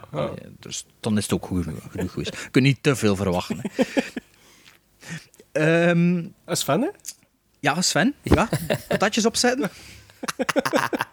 Zeg, en zetten die films dan af om te eten? Of Blijf de kijken. blijft die opstaan? Als je alleen zit, bijvoorbeeld. Maar ja, dat kookt niet rap, hè, natuurlijk. Als je alleen zit. Nee, het is dat. Het is dat. Goh, nee, dat is, er zijn ook zo films die je fragmentarisch kunt bezien. Hè? Ja. Mijn kookfilms. Eh, dus de laatste die ik heb gekozen is de, de musical. Uit 82. Eh, Oké. Ik vind eigenlijk die musicals, dat staat echt gehaakt op strijkfilms. Dus sorry. hè. Oh, ik hoop... Ik zit hier met Commando, met Universal Soldier. Ik kom nog met Singing in the Rain en Andy. Of wat Wacht, dat wacht, wacht. zijn. Maar als, als Sven zegt 82, Ja? nu ben ik benieuwd. En wat hoopte? Ah, Ja, nee, maar ik denk dat ik mis ga zitten bij, qua jaar. Maar ik dacht de remake van Little Shop of Horrors of zo. Ah, nee. Dat is dat vind ik, 85 of dat- 86 Dat, of dat is zo. 86 en dat vind ik een steengoede film. Met Rick Moranis. Ja, die ik niet, die ik, dat is onwaardig om op te zetten tijdens het koken. Ah ja? Eh, ja, ik Ah, vind ja, dat, dat is ah, een topfilm. The Little Shop of Horrors. Ja, De- maar- Maar is, dat- dat was- is Annie niet 82? Annie is 82, is ook maar een is die niet. topfilm. Ook een, nee, het is eigenlijk een die je kunt afzetten. Zo, zo van, oh, ja. Hè. The Pirate Movie. Ah, van dinges. Van, Dat zegt mij allemaal niet. dat van Roman Polanski? Nee, nee, nee. The Pirate Movie is... een heel raar curiosum. Is een, een, een, een echte piratenfilm, maar waar er plotseling gezongen wordt. Eh, Maar piraten zingen Op wel graag, hè? mee, hè? ja, ja, maar, Ja. maar echt... Dat is algemeen gekend. hè. Maar- Piraten zijn goede Met zangers. hè. rum en zo. Maar Allee. popmuzieknummers. Dat is zoals in inderdaad Pan, vreemder. Pan, of Pan van vorig jaar. Was dat ook? Daar zit dat ook even in, ja. ja, ja. Maar dit is echt zo... Ja, Christy McNichol en, en eh, Christopher Atkins eh, spelen de hoofdrollen. Eh, ik denk dat Christopher Atkins ook de blonde gast is uit de Blue Lagoon, maar ik weet het niet zeker. Ehm, en ja, die beginnen zo ineens te zingen. eh Grease-achtige, pop-achtige nummers, maar dan met een piratenachtergrond. Heel fout, Ja. maar heel, heel leuk. En, en leren kennen vroeger op Filmnet. Eh, Ja, was ja, dat zo ja. een van de films die ze heel regelmatig teruggaven. Ja, ik was al onlangs aan het pijzen. Hoe zat dat weer met Filmnet? Dat was gewoon... Dat, Betalen, Je kon dat niet opvragen, nee, dat weet ik wel. Maar dat was dus... Nee, je moest zien... Films die, per die gedurende een maand in een loop van 30 keer of 40 keer getoond ja, werden. Ja, keek, je keek in je tv-gidsblaadje, hè. Wat Ja, dat zo was dat, hè. Dat was een ja. Continu ik was dat vergeten hoe dat, dat juist marcheerde. Ja. Tofste, ik heb al die boekjes nog van Filmnet. Is dat? Ja. Ah, is dat? Ja, dat is echt plezant om nog eens in te bladeren en te zien. Ja. Het zo... is goed om te weten als er een keer een Extreme Hoarder komt eh, van België, of eh, zo'n tv-programma. Hier, Sven de Ridder, alle boekjes van Filmnet. Zo'n kamer vol met van die rommel dat er nooit iemand nog in kijkt. Ja, Zo. zo heb ik verschillende dozen met dingen. Maar je bent wel, je bent wel eh, iets wat kwijtgeraakt in die micro-comic-con, hè? Toch? Iets Mag wat. ik hopen? Iets Ja. wat, iets wat, ja. ja. Maar dus de Pirate Movie, leuke film. Eh, nee, nee, wat- nooit van gehoord, En, en ja. over wat gaat dat dan? Piraten op zee, en wat doen die? eh, eh, een meisje dat verliefd wordt op een piraat. Ja, your typical cares? story. hè. cares, Ja, ja. dat is zo. Dat is- een meisje dat dat verliefd wordt op een piraat die dan mee aan boord gaat en mee aan het piratenleven. Maar eigenlijk is ze zo een meisje dat daar niet thuis hoort natuurlijk op een piratenboot. Eh, bijvoorbeeld het laatste nummer heet Happy Ending. En dat gaat echt zo. Ik zal mijn beste dingen zo. Give me a happy ending. En, zo, en dan, dan dat je denkt van, ah? En al die piraten die dat zo stonden te dansen, dat is echt super Oké. fout. Maar super leuk voor de gevulde paprika's. Voor de paprika's op te vullen dan. Op dat Ah ja. ja. Maar happy endings of wat? Ehm, Alleen maar net al een derde, wat had daar juist Ja. gezegd, voordat we geen opname gingen, ik ken nog geen derde strijkfilm. nee, nee, nee. maar wa- het nu wa- al- wat, dat is, wat dat is, ik had... Toen dat je dat zei, maar ik trok dat ook door. Ik had zoiets van, oké, huishoudelijke taken. En ik ben gezegend met een vrouw die altijd films opzet als ze bezig is met de huishoudelijke taken. En zij heeft een favoriet. En ondertussen is dat nu ook al mijn favoriet geworden. Omdat dat, ja, bij draaien... Allee, wij spelen die grijs. Als we met dingen aan bezig zijn, kuisen of, of wat dan ook, koken, whatever. Het, het zal... Bart...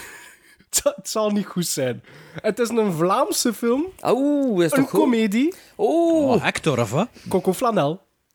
Ja, die, die, stond, ook- die was ik ook nog aan het denken voor op mijn lijst te zetten. Ja, dat ik dacht, Coco oh, die, Leuke dan dacht film. ik, er niet genoeg testosteron, dacht ik Dat is waar. Dus ik dacht van ja, dat, dat, gaat hij, dat gaat hij zeker zeggen van dat is niet.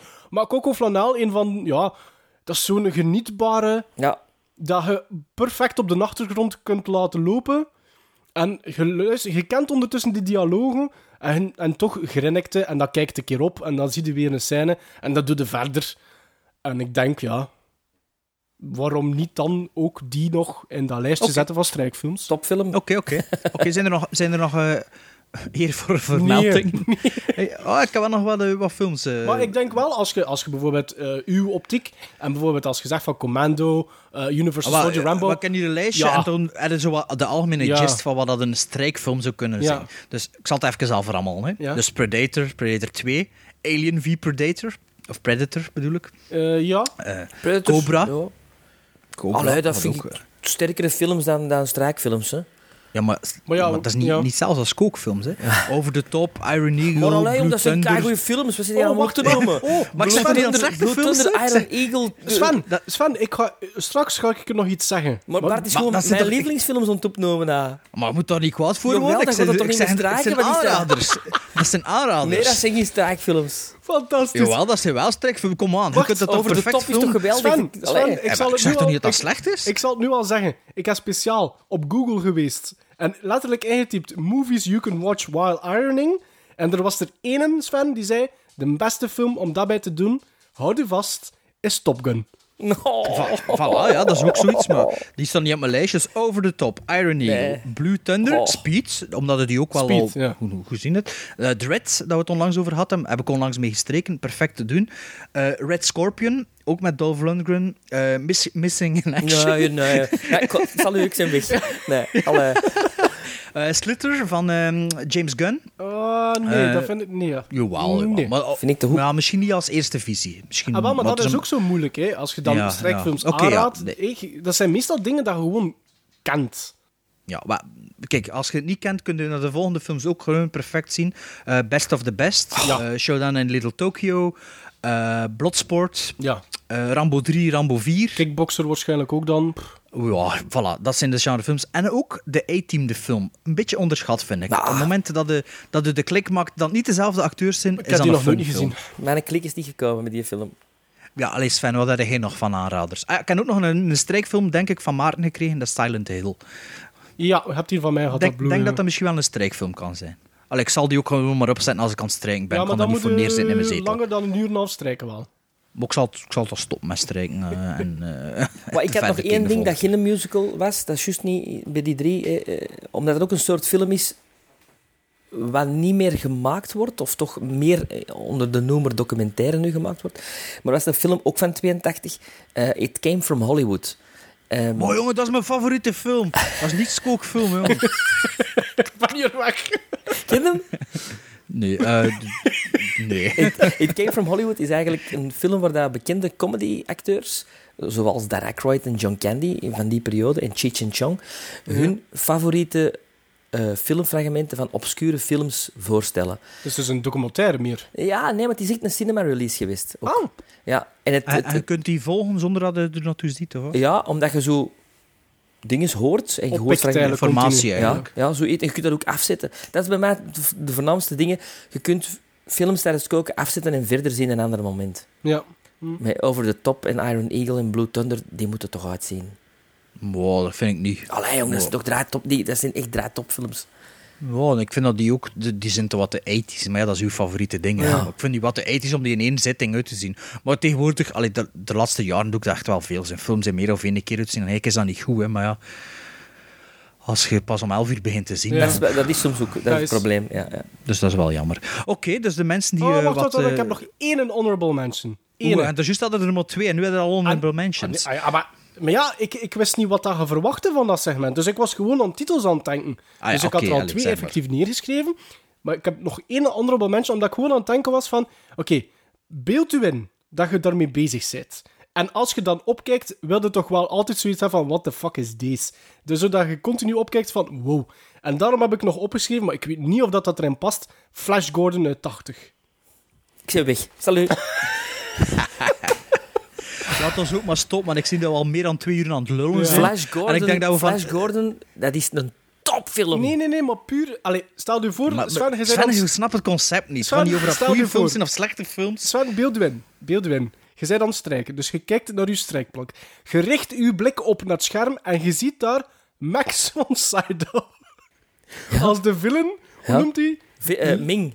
Ming. Met die make-up. Dan had je toch zoiets van... Ja, amusant tijdens het strijken. Nee, dan verbrand de wand, want je zegt van, wow, je, je wilt blijven zien. Timothy Dalton op die, op die, die, die draaischijf met pieken die eruit komen. Oh, wauw, top, top, Maar top dat is toch iedere keer dat je zoiets hebt van... Je kijkt van... Oh, what the fuck is this?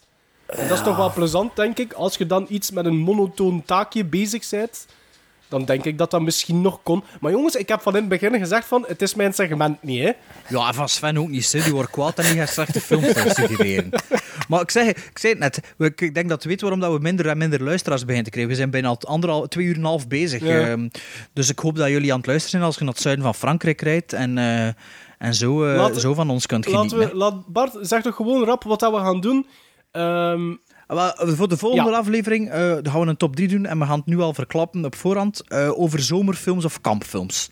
Oké? We wel op de... zo- Allee, dan zijn we in de- dezelfde In de soort summer segmenten. mood, Ja, ja, ja.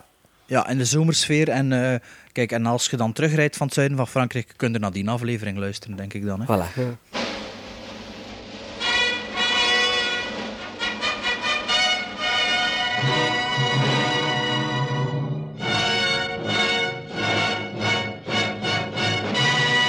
Dus aflevering 12 is de laatste eh, die we, ehm, laten we als normaal gaan beschouwen. Dan nemen we zelf een break tijdens de zomervakantie. Verschijnt er iedere twee weken wel iets, maar het zal een beetje anders zijn. Ehm, dus aflevering 12 hebben we het over eh, summercamp movies, zomerkamp. Ehm, en dan eh, doen we nog overlopen wat dat we gezien hebben in 2016. En kiezen we er elke ene film uit dat we ja, bespreken. Dus aflevering 12 tot binnen twee weken.